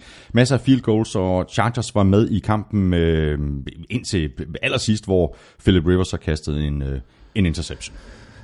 De var i den grad med, og de dummede sig i den grad. Chargers har igennem de sidste par sæsoner formået at tabe kampe på helt nye og interessante måder. Der kan nærmest skrives bøger om how to lose a football game. Øh, og det her, det var endnu øh, et eksempel på how to lose a football game, fordi Patriots var på hjemmebane, Chargers er på udebane, de er selvfølgelig underdogs, men de har jo alle chancer for at vinde den her kamp. Ja. I sidste uge, der scorede Travis Benjamin to touchdowns, og var den store held, og man snakker om, men det var så endnu en spiller, som Browns havde opgivet. I den her uge, der griber han et punt på 11-yard-linjen, sin egen 11-yard-linje, og så vælger han ellers at løbe 12 yards tilbage og blive taklet i sin egen endzone for en safety. Ja. Minus to point.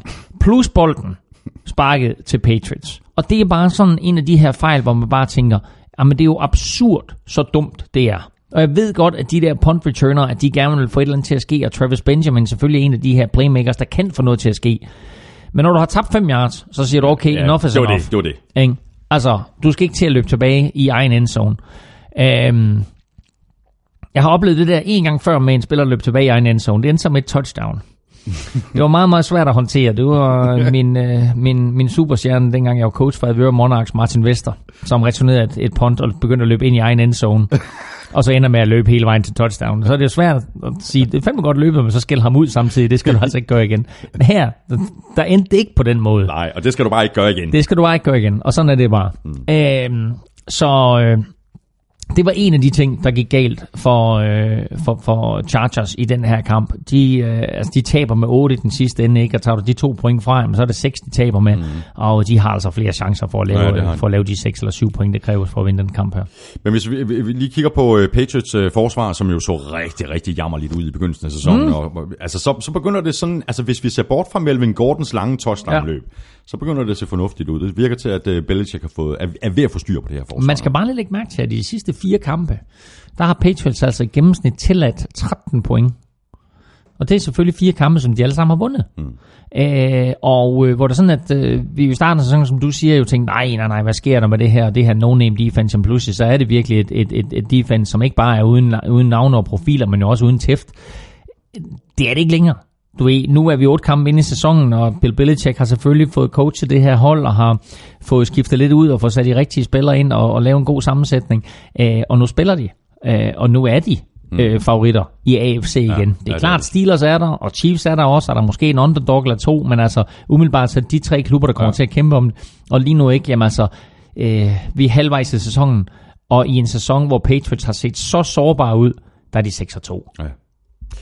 Og så må vi bare endnu en gang rose Bill Belichick for at lægge en gameplan helt præcist, pinpointet ud fra modstanderholdets styrker og svagheder. Melvin Ingram, Joey Bosa er klart styrker hos Chargers. Hvad gør man så? Så kaster man små, hurtige bolde til alle sine små, hurtige running backs. Præcis. Rex Burkhead, James White, uh, Dion Lewis. Altså, hvad, hvad, hvad, hvad griber de til sammen? Jeg tror, det er 14-15 bolde eller sådan noget andet for, øh, for 160 yards. Mm. Det er bare perfekt scriptet. Ja, og det, og det var jo, altså det er jo en måde at beskytte Tom Brady på, det er at sige, jamen I får ikke tid til øh, at komme ind til ham. Og øh, altså, det er selvfølgelig også en af grundene til, at Patriots de vinder det opgør her. Øh, og øh, altså, øh, jeg har ikke engang styr hvad, hvad, hvad fik af sacks? Bo- Bosa fik et enkelt sack, gjorde han ikke det? Nå, det mener jeg. Øh, jeg, har, jeg har deres stats her. Øh, Bosa fik, øh, Bosa fik et enkelt sack, og øh, Fillon fik et enkelt sack, og det var det. Mm. Men altså, øh, generelt set, så var det her, det var jo, øh, ja, øh, det var en kamp, hvor Patriots øh, bare igen beviste, det er lidt, lidt det, vi snakker om med Eagles før, at du kommer i de her kampe, hvor det sådan, det kan lige så godt gå, gå din vej, det kan lige så godt gå modstanderens vej, Ja. men er du bare lige det der skridt foran, så går det din vej. Ja. Og det er her, hvor Patriots med Bill Belichick og Tom Brady bare har den her gyldne duo, og så må man sige, så holdet omkring dem begynder at spille rigtig, rigtig godt.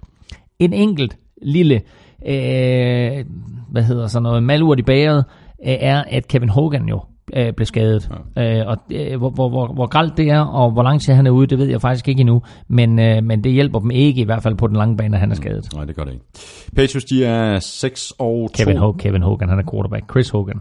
Kevin Hogan. Sagde du Kevin? Ja, jeg sagde Kevin Hogan. Nå, men okay, men jeg ved godt, hvilken Hogan du Ja, taler om. Men, øh, Chris okay. Hogan. Jamen, det er godt nok. Chris Hogan. 6 2 er Patriots. Øh, De går på deres øh, bye week nu. Det gør Chargers øh, faktisk også, og de er 3 og 5.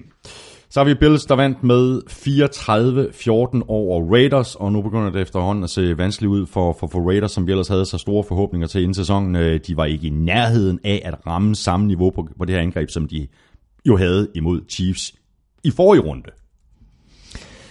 Nej, Problemer, problemer med den offensive linje kan hverken blokere eller skabe huller til, til, til løbespillet. Altså det, der, der er problemer, og nu risikerer det her også at sætte sig i hovedet på spillerne. Selvfølgelig ser Raiders ikke særlig god ud i den her kamp, men jeg vil gerne bare vende den rundt og så sige, at de positive ting, som vi talte om med Bills lige i starten, øh, kan vi bare fremhæve igen, fordi det her Bills-mandskab er bare langt, langt bedre, end vi havde forestillet os. Forsvaret har været solidt hele vejen igennem. Bills fører lige nu NFL i det, der hedder turnover ratio, altså hvor mange øh, turnovers skaber vi, kontra hvor mange giver vi væk. Mm. De er plus 14. Det, fører, 14, ja. det fører NFL. Øh, og, Og de havde tre i den her kamp, og det gav dem 13 point. Øh, jeg tror, havde de ikke fire? Jeg tror, de vandt 4-0 i turnover. Gør det ikke Gør de det? Ja, det er også lige meget. jeg har kun Men- noteret tre. Nå, det gør du ret. Ja, øhm, de, øh, altså, der, det er en måde at vinde kampe på. Ikke? Det, er, det er det her med frem, fremtænkt flere turnovers modstanderne, og så øh, lade være med at begå turnovers, der giver point i din egen ende, øh, og, øh, og, og spille solid fodbold. Og det de gør i øjeblikket, jamen det er, at de spiller solid fodbold på forsvaret, og så laver Tyra Taylor ikke ret mange fejl, Nej, og nu er LaShawn McCoy pludselig kommet i gang, øh, og nu får de den her tilføjelse med Calvin Benjamin, øh, som jo på en eller anden måde er, som du også fremhævede tidligere, en indikation af, vi er faktisk langt, langt længere fremme, ja. end vi havde tur håb på. Nu giver vi det lige et shot og ser, hvad kan det her forsvar? Fordi altså, hvis vi kigger på det her mandskab, ja. så er det jo den klassiske konstellation af et angreb, der sådan er so-so, men har lidt potentiale, og så er et forsvar, der kan stoppe alle. Og vi så sidste uge, Raiders spille den mest fantastiske torsdagskamp imod Chiefs, besejrer dem til allersidst i fuldstændig vanvittig afgørelse, laver 31 point i den kamp imod Chiefs forsvar, som også bliver betragtet som godt. Her, der er de overmatchet. Ja. De har ikke en chance i den her kamp mod Bills. Der er ingenting, der virker. Derek Carr kan ikke øh, ramme sin receiver, Mark Cooper kan ikke komme fri, som han kunne i sidste uge, de kan ikke løbe bolden. Øh, og det her, det er endda med et Bills-mandskab, du ved, som siger, nå, jamen, prøv at høre, altså som Marcel Darius, ham har vi jo ikke brug for jo. Ikke? Ham skipper vi afsted til Jaguars, ikke? Vi har fundamentet her, vi har alt det, vi har brug for. Stefan Gilmore, jamen, han spiller for Patriots, det er lige meget. Ikke? Så altså, meget, meget imponeret over det her Bills-mandskab. Og hvis vi lige skal vende tilbage til, til hele det her med receiver, de hiver Kelvin Benjamin ind nu, så øh, sagde de jo farvel til Sammy Watkins inden sæsonen. Lad mig springe tilbage til Som to, Rams. Som til Rams. Lad mig springe tilbage til 2014-sæsonen. Oj, er det sådan noget her, vi er ude i? Det er jo ikke helt det, vi er ude i, men du kan godt få lov til at sætte den der på. Sådan der. Det er Det det her- hyggeligt. Nu er det hyggeligt. Det er her, det her, det er draften fra 2014-sæsonen, som måske receivermæssigt, ikke engang måske, som receivermæssigt vil gå over historien som den bedste receiver draft nogensinde. Er du klar? Mm-hmm. Første runde. Draftet som nummer 4, Sammy Watkins.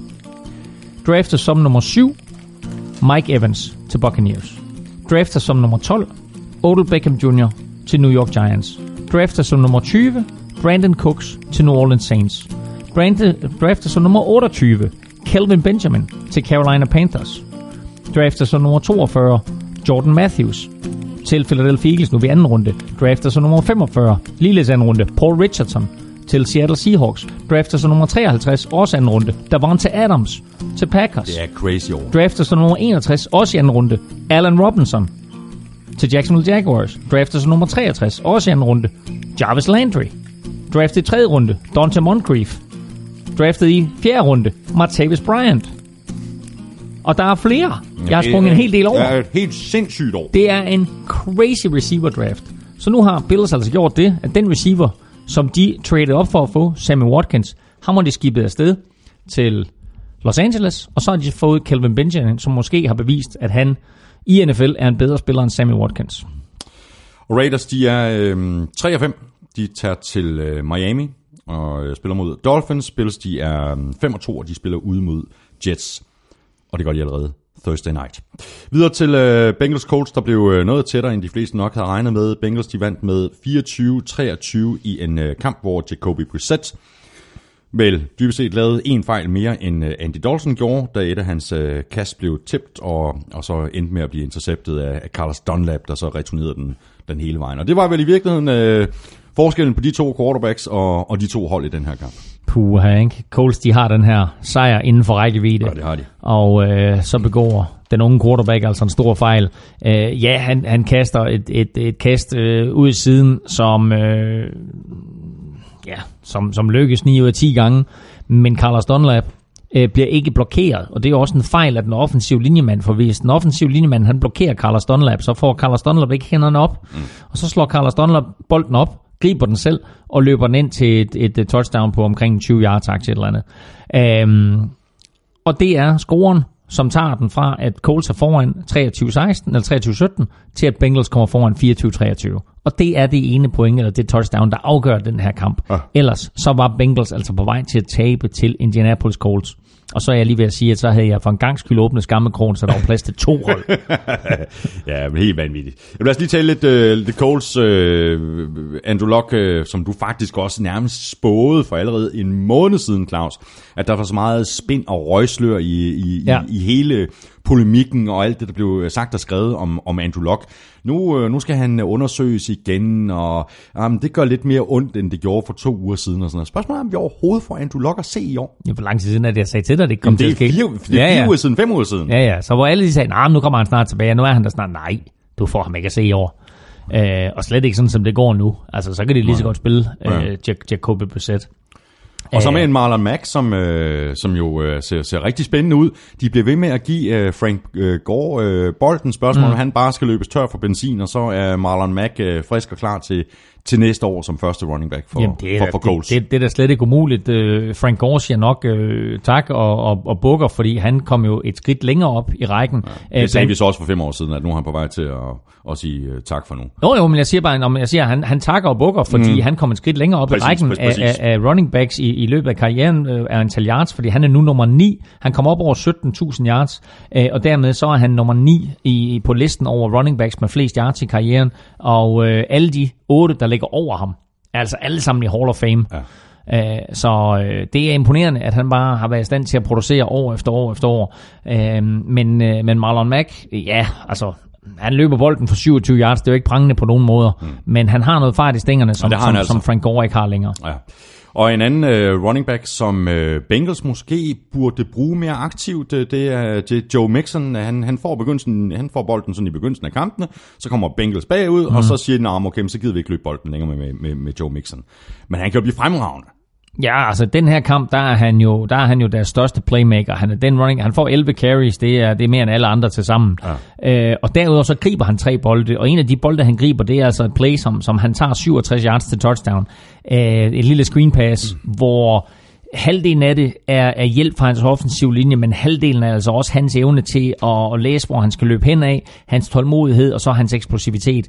Øh, fordi det her, det er et rigtig, rigtig flot touchdown af, af den unge Mixon. Og øh, vi må jo øh, må sige, altså, jo, jo mere de bruger ham, og det var også det, han blev draftet for, det var jo netop hans kvaliteter, både til at gribe bolden og til at løbe bolden. Jo mere de bruger ham, øh, jo nemmere vil det også gøre tingene for Andy Dalton, men jeg synes bare ikke, Andy Dalton har været særlig god til at udnytte det. Nej. Og øh, godt nok så får han øh, smidt bolden øh, ud i hænderne både på, på Tyler Croft og Brandon LaFell, men altså øh, AJ Green griber kun tre bolde.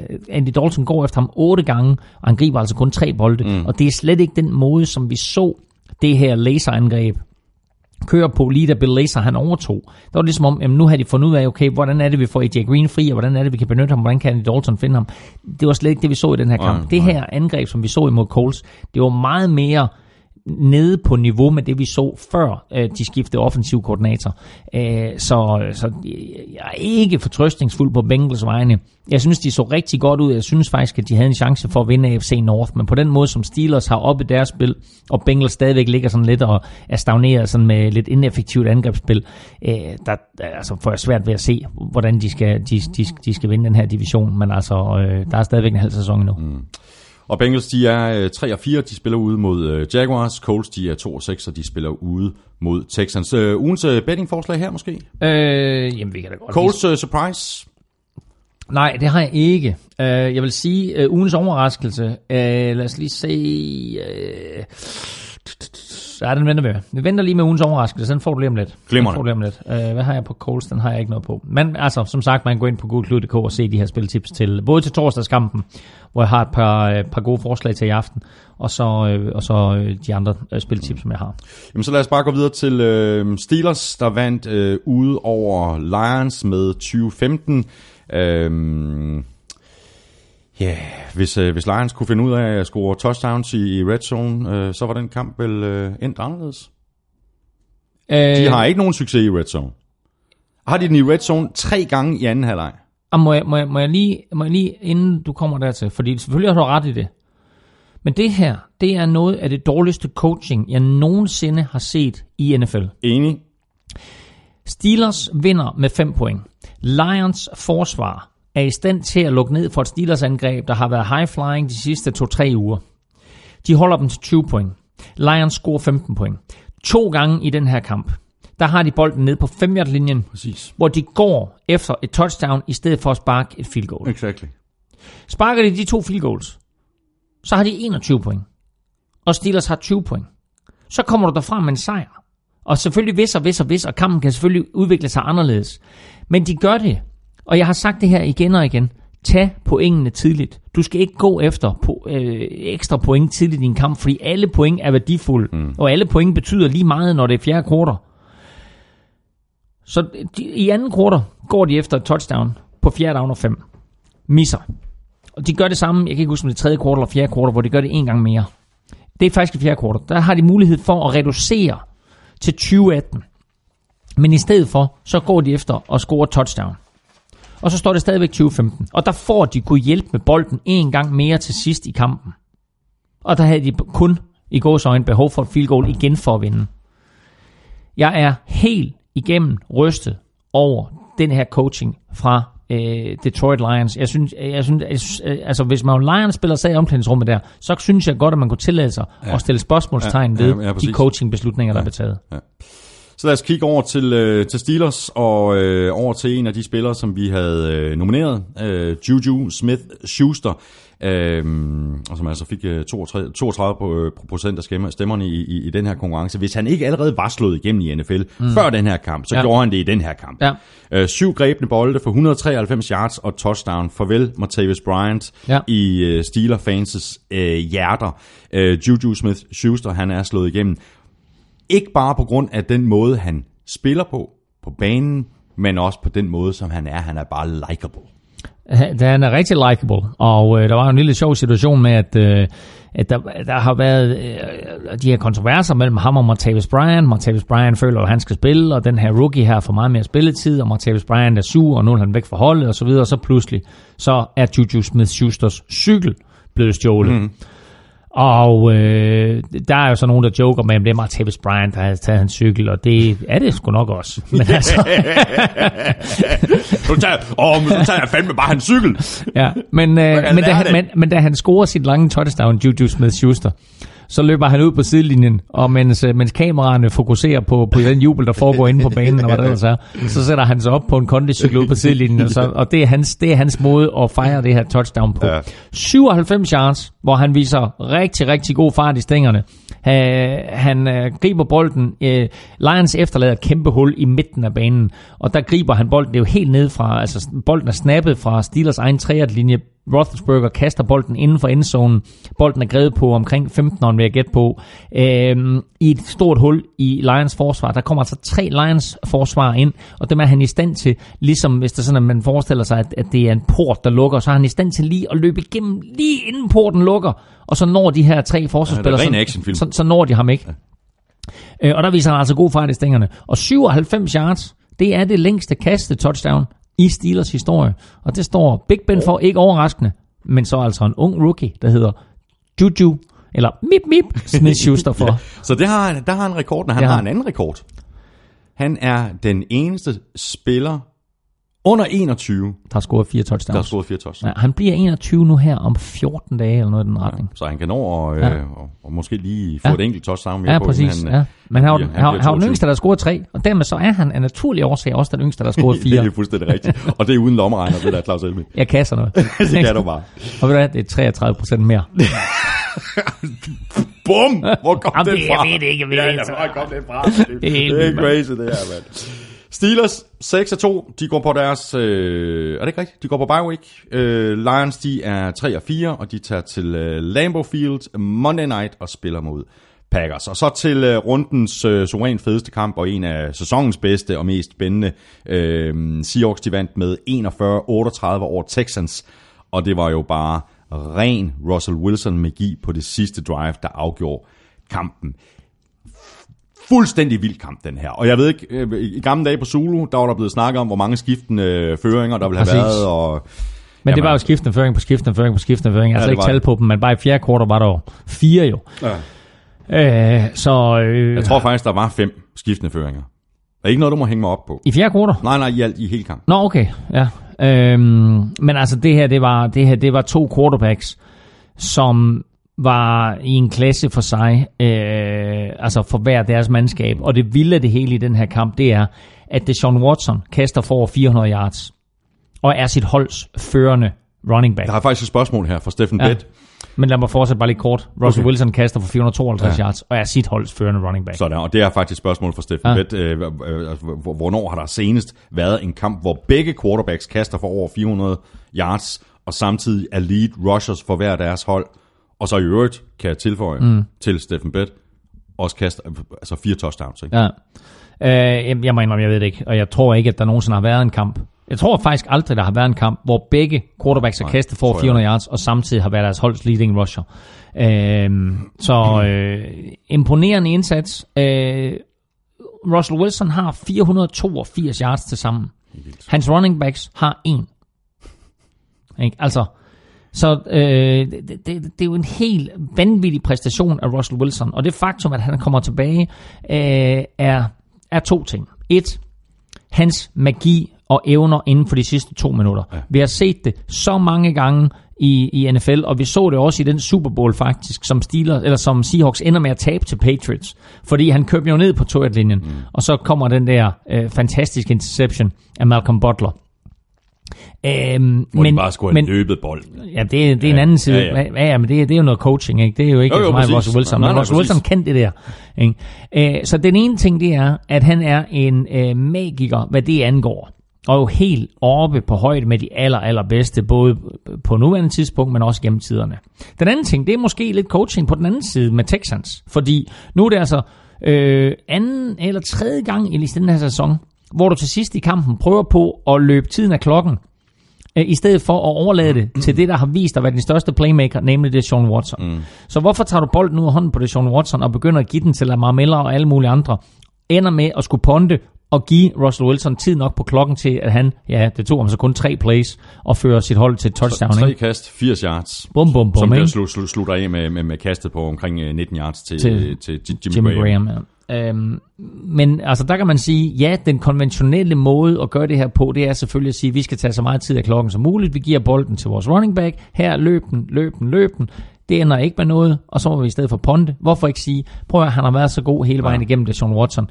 Kort kast til Will Fuller, kort kast til DeAndre Hopkins, kort kast til hvem han nu end har, øh, løbende på, på tight end eller running back eller mm. et eller andet, ikke? hvor vi så selvfølgelig pointerer, bliv inbounds. Du skal ja. ikke løbe out of bounds, Nej, nej. så vi kører nogle, nogle, nogle plays, som giver os nogle yards, men hvor det er Deshaun Watson, der, der skal afgøre det her for os.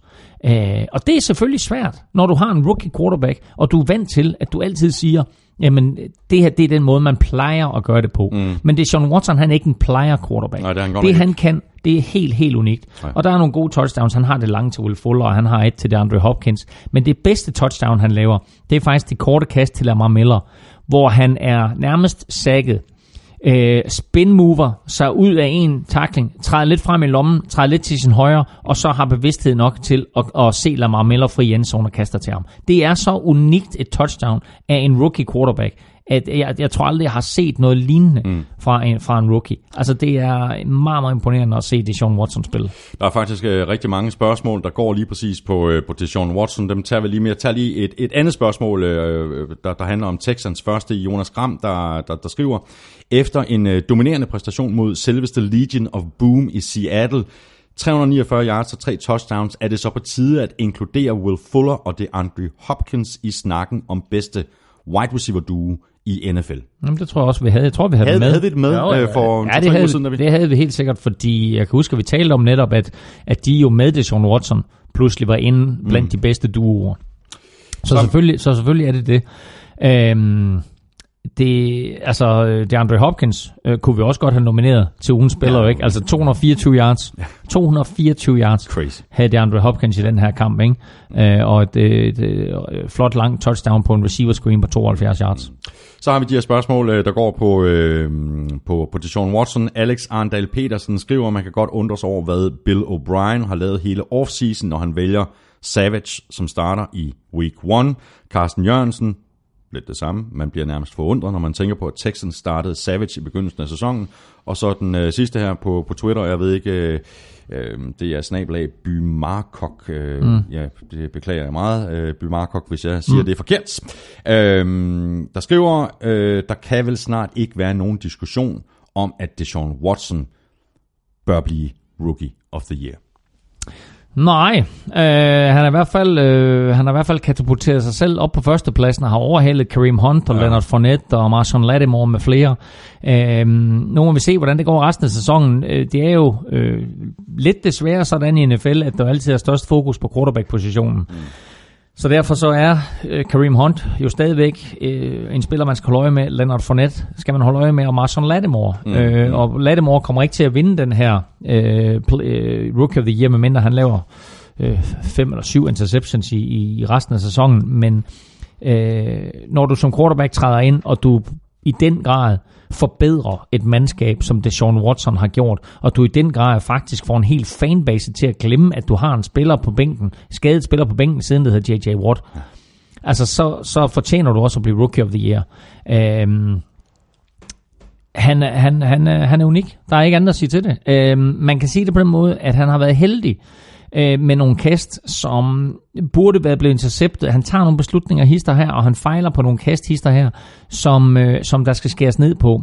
Øh, men de bliver opvejet af alle de fuldstændig vanvittige spil, han laver. Ja, ja. Han ender med at kaste tre interceptions i den her kamp. Øh, de to af dem, kan man sige, er tællende. Den sidste, det er til allersidst i kampen Ja, med, med ikke? 11 sekunder igen, ja. hvor han er nødt til at gå dybt og, og bare tage en chance og hugger den afsted, og så håber på, at det er hans mand, der kommer ned med bolden.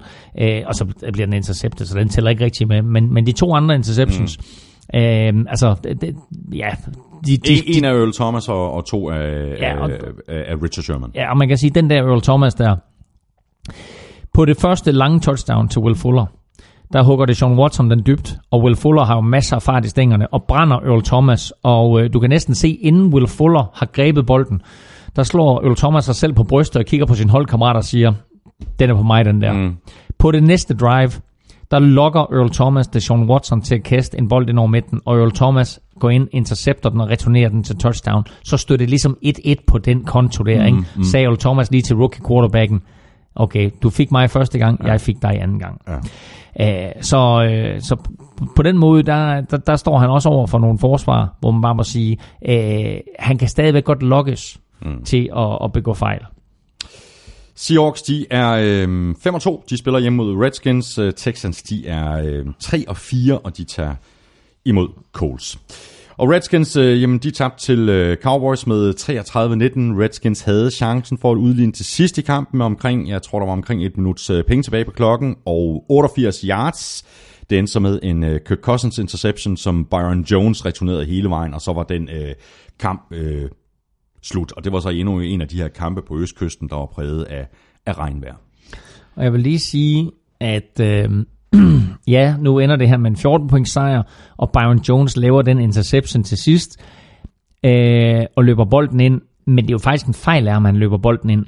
Fordi i det øjeblik, han løber bolden ind, så giver han, øh, jeg tror, han giver, giver omkring en minut mm. øh, til, til Redskins. Godt nok bagud med 14, og godt nok i masser af regnvejr. Ja. Men hvis du nu er en klog spiller, Ja, så og ikke tænker selvisk, så lægger du dig bare på et linjen Ja, ja, ja. ikke? Øh, og så kan, du, så kan din quarterback komme ind, og så kan han tage knæ, og så er kampen overstået. Men altså, det er så sjældent, at de der forsvarsspillere, de rører bolden, så øh, det er altid rart at, at, at kunne løbe ind, og så have scoret et touchdown. Så øh, fint nok, han gjorde det i den her situation, men ellers så er det jo tilrådeligt, at man faktisk ikke gør det. Mm. Men øh, Ezekiel Elliott var i en liga for sig. Kirk Cousins synes jeg faktisk spillede en ganske god kamp. Mm.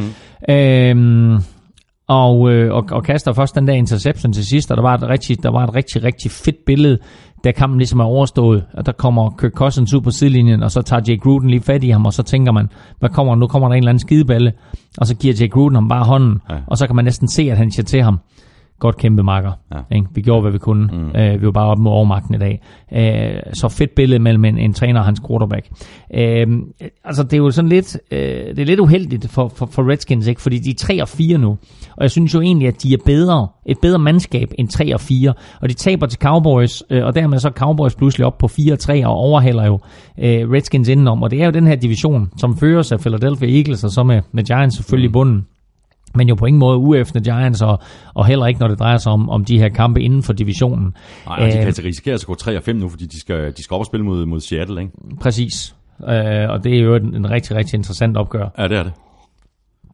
Øhm, men, øh, men altså, en, en, en god kamp, øh, synes jeg generelt af Washington Redskins, men altså, man må bare tage hatten af for, for Ezekiel Elliott, ikke? Altså løber 33 gange, øh, og det er selvfølgelig perfekt i sådan noget vejr som det her, at man har en offensiv linje, som, som, som Cowboys har, og Ja, vi har været lidt efter deres venstre guard og deres højre tackle, som er nye øh, på linjen, men de, de spiller solidt hele vejen rundt i den her kamp. Og Ezekiel Elliott, ja, løber 33 gange for 150 yards To og, to, og touchdowns. to touchdowns. Ikke? Øh, og så griber han godt nok kun et par bolde øh, for, for nærmest ingen yards. Øh, så, så i kastangrebet var han ikke en faktor. Øh, men det hele taget var kastangrebet ikke en faktor. Nej. Øh, Dak Prescott spiller måske altså statistisk sin dårligste kamp som Cowboys quarterback. ikke? 14, altså, og- 14 og 22. Ja, 143 yards, Ja, ja, ja. men ingen touchdowns, og heller ikke nogen interceptions, og det kan jo godt gå galt i, mm. sådan noget vejr som det her. Øh, men altså, det her, det var bare en kamp, hvor man siger, altså, den her kamp skal vindes, og det skal den på jorden. Det er altså en interessant øh, kamp i, i næste runde. Redskins er med i. Øh, de er 3 og 4, og øh, de spiller ude mod Seahawks. Og så kan man da virkelig øh, også tale om en interessant kamp for Cowboys vedkommende. De er 4-3, og de spiller hjemme imod Chiefs. Og det er et rigtig, rigtig interessant opgør. Ja, det er det godt nok. Men det er jo vel at mærke et Cowboys-mandskab, som med 99% sandsynlighed er uden Ezekiel Elliott. Mm. Okay, så Chiefs forsvar har faktisk ikke været så godt i de sidste tre kampe, som vi så dem i starten af sæsonen. Men øh, kan, er de gode nok til at slå Cowboys? Ja, det vil jeg formode. Mm. Øhm, det er meget, meget lige i odds. Cowboys giver 1,97 for en hjemmebanesejr, Chiefs giver 1,87 for en udebanesejr. Øhm, jeg har ikke noget, øh, jeg har ikke noget øh, godt forslag til, hvem man skal spille på her, for jeg tror, det bliver en ganske, ganske tæt kamp. Ja. Men altså, jeg, jeg formoder, at Chiefs lever op til favoritværdigheden. Og så mangler vi bare øh, Monday Night-kampen, øh, som netop Chiefs vandt med 29-19 hjemme over Broncos. Øh, det var ikke den store overraskelse, Claus. Øh, Chiefs øh, vidste nøjagtigt, hvor de skulle sætte kniven ind, og det var at presse Broncos til at kaste bolden, og så igen presse Trevor Simeon til at begå fejl. Ja, øh, og så vil jeg sige, så blev det måske en lille bitte smule for overmodige Chiefs, ikke? fordi de er foran med 17-3 og har bolden, øh, og så vælger de så at lade Tyreek Hill øh, løbe en øh, slags end around og Ja. kaste bolden. Ja, det var, og så, ikke, det var ikke så godt. Og så kaster han en interception i endzonen, og der har jeg da sådan lidt, altså lad nu være med det. Ikke? Tag nu bare de point, der er, om det så øh, udmyndter sig i et field goal. Tager du røven på forsvaret og så videre, og han kaster det touchdown, så er der ikke øh, nogen, der ikke står med armen op over hovedet og siger, åh, hvor er det genialt, hvor er det genialt. Nu ender det med, at han kaster en interception, og når han kommer derud, og han ser, der er lukket, ja. Så skal han enten bare kaste den væk, eller løbe Eller ud over, videre, eller løbe løbe ud, videre. eller løbe videre, løbe ud over sidelinjen, whatever. Men han må ikke kaste den interception. Er det ikke også dumt af Andy Reid at brænde det spil af i den her kamp, som de, altså de har jo fuldstændig kontrol over den. Der er ikke nogen grund til at, at hive sådan et trickspil op af hatten. Nu har de da i hvert fald sagt, jamen okay, det der spil, det trækker vi nok, nok Jo, ikke op øh, senere ja, på sæsonen, jo, hvor vi måske har ja. brug for det. Ja, på den anden side, du ved, så tvinger du lidt cornerbacks og safeties til at forberede sig på det spil, og være opmærksom på, at når den her reverse kommer med Tyreek Hill, så kan han rent faktisk kaste bolden, og så får du altså færre mand med op til at stoppe løbet, ikke? Så altså, ja, det er sådan lidt, vil man vise det, man har i posen, øh, for at tvinge forsvaret til at tænke på det, øh, og til at forberede sig på det, eller vil du hellere gemme det? Øh, jeg tror, at, at jeg er mest til det sidste. Det er lidt synd for øh, Broncos, eller meget synd for Broncos, at de ikke kan få det her angreb til at fungere, fordi forsvaret er, på, øh, er jo på plads. Øhm, hvad blev der af, fordi hvis vi spoler helt tilbage til tidligt på sæsonen, hvad bliver der så af det her Broncos angreb, der, så vidt jeg husker, dominerede Cowboys i uge 2? Hvad er der sket? Jamen altså, for det første har de jo fået skader på den offensive linje. Og det betyder, at de ikke er lige så effektive, når de løber bolden, og når de ikke er lige så effektive, når de løber bolden, så er der større pres på Trevor Simeon, fordi i stedet for, at øh, du skal ud, og du skal complete en tredje down og fire, så er det pludselig en tredje down og otte, øh, og så øh, bliver det hele bare lidt sværere. Mm. Og så må vi sige, at den der kamp mod Cowboys, der spillede Trevor Simeon sit livs kamp, og vi tænkte alle sammen, wow, ikke? Altså, nu er han der, og det er det, vi har hørt fra, fra Broncos træningslejr, at han er øh, faktisk en rigtig, rigtig dygtig quarterback, og det så han også ud til at være i den kamp der. Øh, så jeg husker, var det fire touchdowns og en enkelt interception, han kastede i den mm, kamp, mm. Øh, og lignede jo The Second Coming og Peyton Manning. Ja, det gjorde han. Øh, men øh, siden da er det gået ned ad bakke, og så er det gået så meget ned ad bakke nu, så øh, nu kommer Brock Osweiler ind og skal starte. Øh, og det er øh, pres fra de interne linjer. Øh, forsvaret gør jo uge efter uge, hvad der skal til for, at de kan vinde kampe. Og øh, Trevor Simeon, han smider det væk. Øh, og det var også tilfældet i den her kamp, fordi Chiefs vinder den her kamp, og de vinder den komfortabelt. Og de, og de kunne have gjort det endnu mere komfortabelt, hvis de ikke havde lavet den fejl på det Tyreek Hill-spil, fordi på det tidspunkt, der er de så tæt på, bare at kaste Broncos ned i sækken og, og smide den der sæk øh, langt, langt væk, så der ikke er nogen, der ser den igen, og så ender det der med en fuldstændig udradering. Men fordi de laver den fejl, så tillader de Broncos at komme tilbage i kampen. Og det er faktisk ved at blive spændende på et tidspunkt. Mm-hmm. Altså Broncos er ikke helt ude af det her opgør. Og så vil man bare sige, at altså, så kombinationen af, at Trevor Simeon han ingenting kan, øh, og, og øh, Chiefs angreb trods alt har en Alex Smith og, og flere andre profiler, der er i stand til lige at sætte de sidste point på tavlen. Det gør jo så, at den her kamp ender med en, en sejr på Chiefs på 10 point. Mm. Men, men det var tættere ja, end som så, ikke? Og en af de spillere, som kan finde ud af at sætte øh, point på tavlen, og som bare er en klassespiller at, at, at følge, det er Travis Kelsey. Mm. Øh, syv grebne bolde for 133 yards og touchdown. Øh, han, manden griber i trafik, og han tager tæskene. Altså, det, jeg elsker ham. elsker ham. Stor, atletisk, gode hænder, altid et smil, mm. øh, og leverer store spil. Øh, og som du siger, altså griber bolden selv med en eller to mand hængende over ham. Ja. Og Alex Smith er jo også god til at kaste bolden til Travis Kelce, hvor han kun kan gribe den. Fordi han kaster den bare sådan halv meter op over hovedet på ham. Øh, sådan ud foran ham, og så stikker han de der store lapper op og hiver den ned. Ja. Øh, og det er der altså ikke ret mange tight ends i ligaen, der er så dygtige til det. Han bliver også populært bare kaldt Baby Gronk. Ja. Øh, fordi han er... Og minder, minder jo meget om Gronk, Han, ikke? han, også? er, han minder utrolig meget om Gronkowski, ikke? Altså, øh, men er faktisk lidt mere holdbar end, end Gronkowski. Ja. Bliver ikke helt lige så let skadet, øh, hvilket heller ikke er helt uvæsentligt. Chiefs, de er 6-2, de skal til øh, Dallas og spille mod øh, Cowboys, Broncos, de er 3-4, de spiller ud mod Eagles. Og det er her, at jeg faktisk kommer med ugens overraskelse. Aha, Fordi Broncos giver odds 4,40 i odds. Jamen, det, jeg, jeg, jeg er fuldstændig enig Hvis med dig, Claus slå Elming. Eagles. Ja, det er ugens overraskelse, hvis Broncos de slår Eagles. Og lad mig bare sige det på den her måde. Von Miller over for Harley Vejtai. det er en matchup i kampen, man bare lige skal lægge mærke til. Correcto. Jeg tror, Carson Wentz han kommer under tung, tung pres i den her kamp. Meget mere, end han har været på noget tidspunkt i sæsonen. Ja, men du har ret. Så kommer Brock Osweiler ind. Hvis Brock Osweiler kan undgå sine klassiske fejl og føre Broncos til, lad os bare sige 20 point, så tror jeg faktisk, at Broncos har en chance for at vinde den her kamp. Det er i hvert fald et interessant odds. Hvad siger du, 44? Odds 4,40 på et Broncos-mandskab, der inden sæsonen var en af de store forhåndsfavoritter. Og jeg ved godt, at der er sket meget. Mm. Eagles er 7 og 1. Broncos er, hvad, 3 og 4 aktivt eller andet. Broncos er 3 og 4. Øh, så selvfølgelig er det en overraskelse, men jeg synes bare, at odds 4,40 er ja. Vildt godt odds. Ja, det, er- det er værd lige... Ja, man kan jo bare være lidt, ja. være lidt nære, men det er da interessant at, at, Præcis. at følge.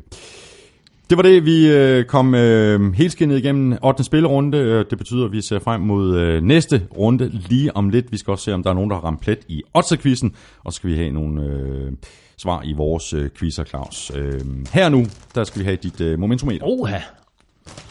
Og åbenbart også lige en chili cheese ring. Yes, jeg napper også lige posen, inden du spiser dem alle sammen. Jamen, øh, mit momentometer i denne uge er der ikke sket noget som helst med. Og det er fordi, at for en gang skyld, så vandt alle favoritterne. Så derfor, så i og med, at nummer 1, 2, 3, 4 vandt, og nummer 5 sad over, så er det fuldstændig identisk med sidste uge. Eagles 1'er, Patriots 2'er, Vikings 3'er, Seahawks 4, Rams 5'er. Men du har skrevet nye ting til, til holdene, ikke? Der kom nye ting til hold. Nå, sådan der, fordi det er altid værd at læse. Ja. Øhm, jo, der er lidt, der er lidt forskelligt, øh, og så selvfølgelig øh, ser bunden også nogenlunde øh, identisk ud, fordi øh, alle øh, bundholdene tabte. Og så har jeg altså lige åbnet skammekrogen, som sagt, øh, fordi der øh, var Miami Dolphins så parat. De burde have været der en gang tidligere, nu fik de altså lov. Det er ikke mange hold, der får to æg på en sæson, men det er altså lykkedes for, for Miami Og Dolphins. for Niners, de er så gået fra 30 til, til 20 på grund af Garoppolo. Ja, det er lige ved. Det er ikke momentum. Det er lige ved. De, øh, de tabte, ligger 0-8, så de er altså stadigvæk næst sidst. Damn. Hele det her øh, momentometer fra øh, Claus, det ligger lige præcis, hvor det plejer at ligge, og det er selvfølgelig inde på gulklud.dk. Vi skal have quizzen! Åh, Det er tid til quiz, quiz, quiz, quiz, quiz. Nå, Claus. Dit spørgsmål gik på Everson Griffin. Et sack. I sæsonens første otte kampe. Ja. Og der var de spørgsmål gik på. Hvilke to andre spillere ja. har også haft et sack i sæsonens første otte kampe? Mm. To forskellige sæsoner, mm. og de var holdkammerater. Ja, jeg må, jeg må jo tilstå, jeg har skrevet et enkelt navn ned. Og den eneste grund til, at jeg har skrevet det navn ned, er, fordi jeg ved at i hvert fald, at han, jeg tror, han er deroppe af. Ja. Og så tror jeg, at du er så fokuseret på Vikings, at det lige præcis passer med, at det er en gammel Vikings-spiller, der har gjort det. Ja, ja. Er det rigtigt? Nej. jo, det er. Nej, det er... Er det ikke? Nej, du vil have fat i Chris Dolman, eller hvad? Nej, hvem vil du have fat i? Jared. Nå, Jared Allen? Ja. Nej, desværre. Så er jeg blank. Ja, Can't do it. okay. Og det var to fra det, fra det samme hold, eller hvad siger du? To fra samme hold.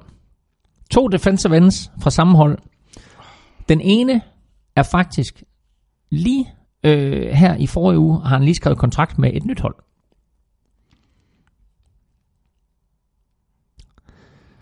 De var holdkammerater, og de spillede sammen med en fyr, der hed Peyton til fornavn. Okay. Godt så. For helvede. Hold nu op. Okay, så du får den. Ja, kom så med den. Dwight Freeney Åh, oh, for helvede, mand. og Robert Mathis. Robert Mathis gjorde det faktisk først af de to. Han gjorde det i 2005, øh, og Dwight Freeney gjorde det i 2009. Åh, kæft, mand. Øh, og jeg vil sige, når man sådan ser uh, defensive ends, nu stod jeg, øh, som sagt, jeg var i Vikings omklædningsrum nu her, og så så jeg Everson Griffin, øh, som bare er et stort lokum. Øh, og så så jeg Daniel Hunter, som er sådan en mand på 1,95, en meter over skuldrene, kæmpe lår, kæmpe arme, mindede mig utrolig meget om Simeon Rice, som mm, jeg også mødte fra Tampa Bay. Altså Simeon Rice er måske en af de største spillere, jeg sådan nogensinde har set, øh, sådan bare sådan fysisk pragteksemplar. Så hvis du taler om græske guder, så Simeon Rice, han var helt deroppe. Og der mødte jeg Robert Mathis til en Super Bowl, altså øh, det år, hvor, hvor de skulle møde Chicago Bears i Super Bowlen. Og Robert Mathis, han var sådan på min højde. Selvfølgelig lidt bredere, øh, noget større arme, noget større ben, men øh, lignede faktisk ikke en defensive end. Men hold kæft, hvor kunne han rushe quarterback. Nej, det kunne han. Han kom lavt, og han var hurtig, øh, og havde alle moves, der var i, i bogen, øh, og gjorde det altså helt tilbage i 2005. Og Dwight Freeney er jo lige kommet Det tilbage. er det en og, skandale, øh, at jeg og har skrevet, i tanke om Dwight Freeney. har, har skrevet kontrakt med Seattle Seahawks her for ganske nylig, ikke? Ah, hvor det irriterer mig. Nå, det er der ikke noget at gøre ved. Øhm, så var der øh, det quizzen fra Armstrong. Øh, Claus, ja. øh, hvilket hold har endnu ikke interceptet en bold i indeværende sæson? Prøv prøv lige at trykke på I can't, can't do it-knappen. Can't do it. Jeg har ingen anelse om det. Jeg tager et... Øh, jeg tager et vildt skud. Tampa Bay Buccaneers. Nej. Nej. Det er Raiders. Raiders. Okay. Ingen interceptions. Det er jo et vist, vi skulle sørøver tankegang. det var det. det var noget sørøveragtigt. Ah. Ved du så, hvilket hold, der har flest? INT's. Det var... Øh... Ej, du kan få et halvt point for det. Det er et ekstra, ekstra spørgsmål. Ja, ja, hvilket hold har flest INT's? Det har... Åh, kan jeg få en division? Eller en, en halvdel? Giv mig en halvdel. AFC Nej, eller altså NFC? hvis, hvis det var mig, det var fordi, det, det er Armstrong, der har skrevet Fordi jeg ville have gættet på Bills. Ja, Men det er det ikke. nej. Så siger jeg... Jamen, jeg har ingen anelse om det. Det ved jeg ikke. 12 styk til Ravens. Det var jeg heller ikke kommet på. Til Ravens. Okay, nå. Det var heller ikke, det var heller ikke kommet. Nej. Hvor, hvor, jeg, Tryk. Jeg, jeg, tryk for Susans. det er fordi, jeg rundt på nogle af de Det skal du lade være med. Ja, det skal jeg, det skal jeg lade være Du bliver for gammel til det. Du kan ikke... Alt, alt for gammel. Ja. Jeg kan ikke vende mig til noget. Man, man kan ikke uh, lære gamle Nej. Hunde nye tricks. Nå, Claus, vi skal se, om der er nogen, øh, der har været heldige eller dygtige til at ramme rigtigt i Otze-quizzen. Det var der. Var der? Sejt. Men det var også en, det var også en uge, hvor der var mange øh, favoritsejre og mange ting, der gik hjem, som var Ja, forventelige. ja, ja, præcis. Men altså, de rigtige udsagn var 1, 2 og 6, og det var der hele 6 mand høj, Sådan. der ramte. Mark Ridder, Rasmus Krøl, Jonathan Permin, Mathias Vork, eller Fork, Bendix F. Petri og Andreas Togåde. Togade. Der er ikke et R i det der to går. To gået.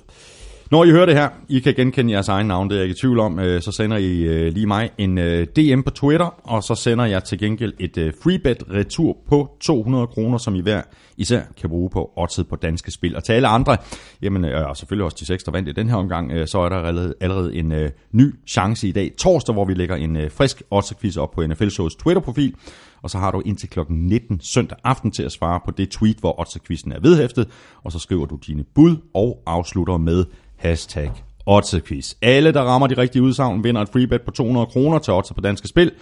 Der er kun de her to krav, du skal leve op til. Du skal være 18 for at deltage, og så skal du, hvis altså du vinder, placere hele beløbet på et spil. Lad dig mærke til, hvor hurtigt jeg fandt den knap nu her.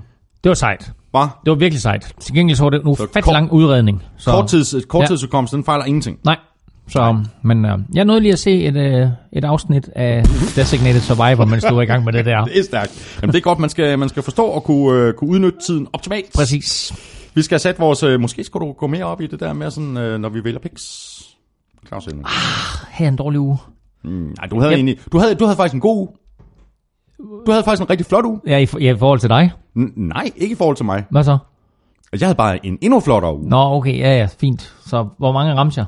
Ja, ved du hvad, du får mand, mand med statsene. Lukas Willumsen, han skriver.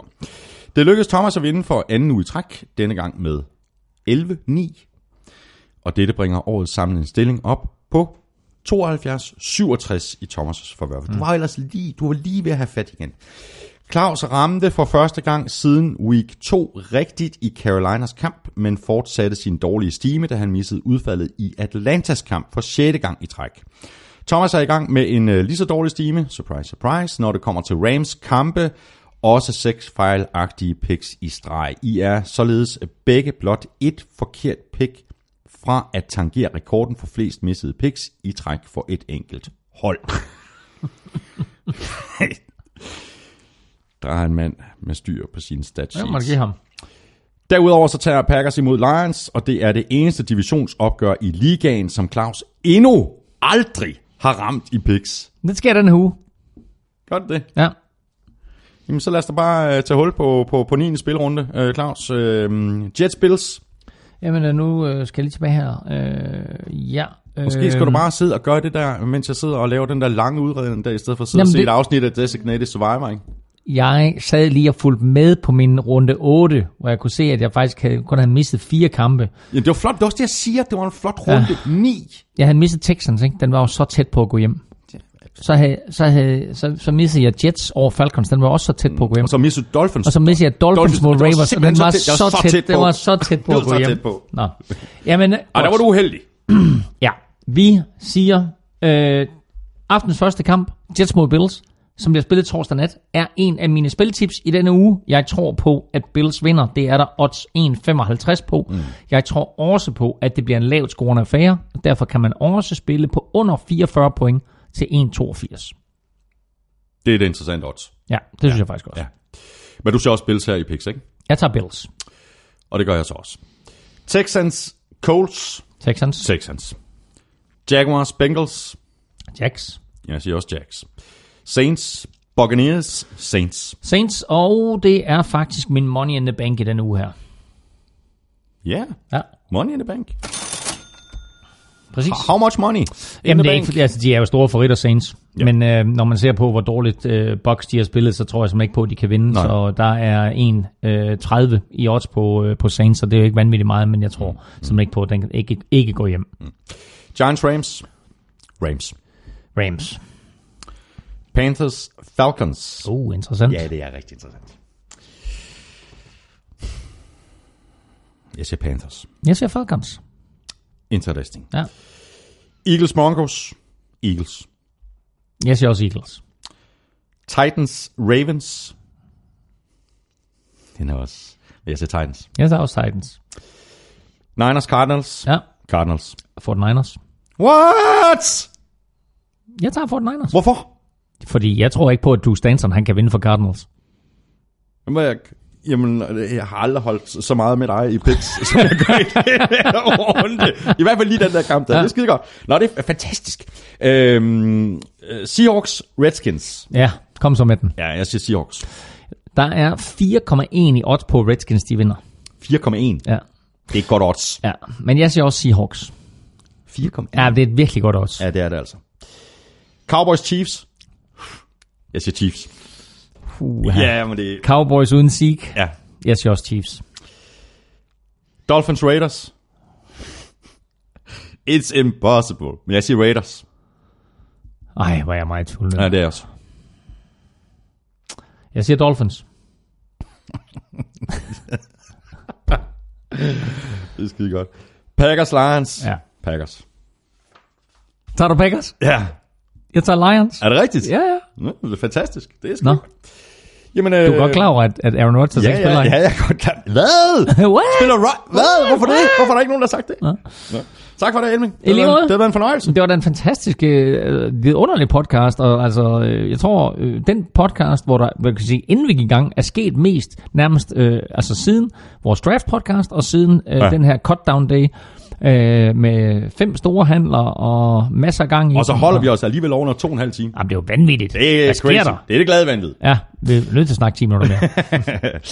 Stor tak til os, øh, også til vores øh, gode venner og sponsorer for Tafel og på Danske Spil, og tak fordi du lyttede med. Hvis du har spørgsmål eller kommentarer, så kan du række ud efter os på Twitter og på mail nflshowet.dk. Husk at tjekke NFL-showet på Twitter hver tirsdag, hvor vi nominerer tre spillere til ugens spiller, og det er jo der, du kan vinde 8 poser taffelchips. og hver torsdag, der lægger vi en ny odds op på Twitter, hvor du har chancen for at vinde et free bet til Danske Spil på 200 kroner.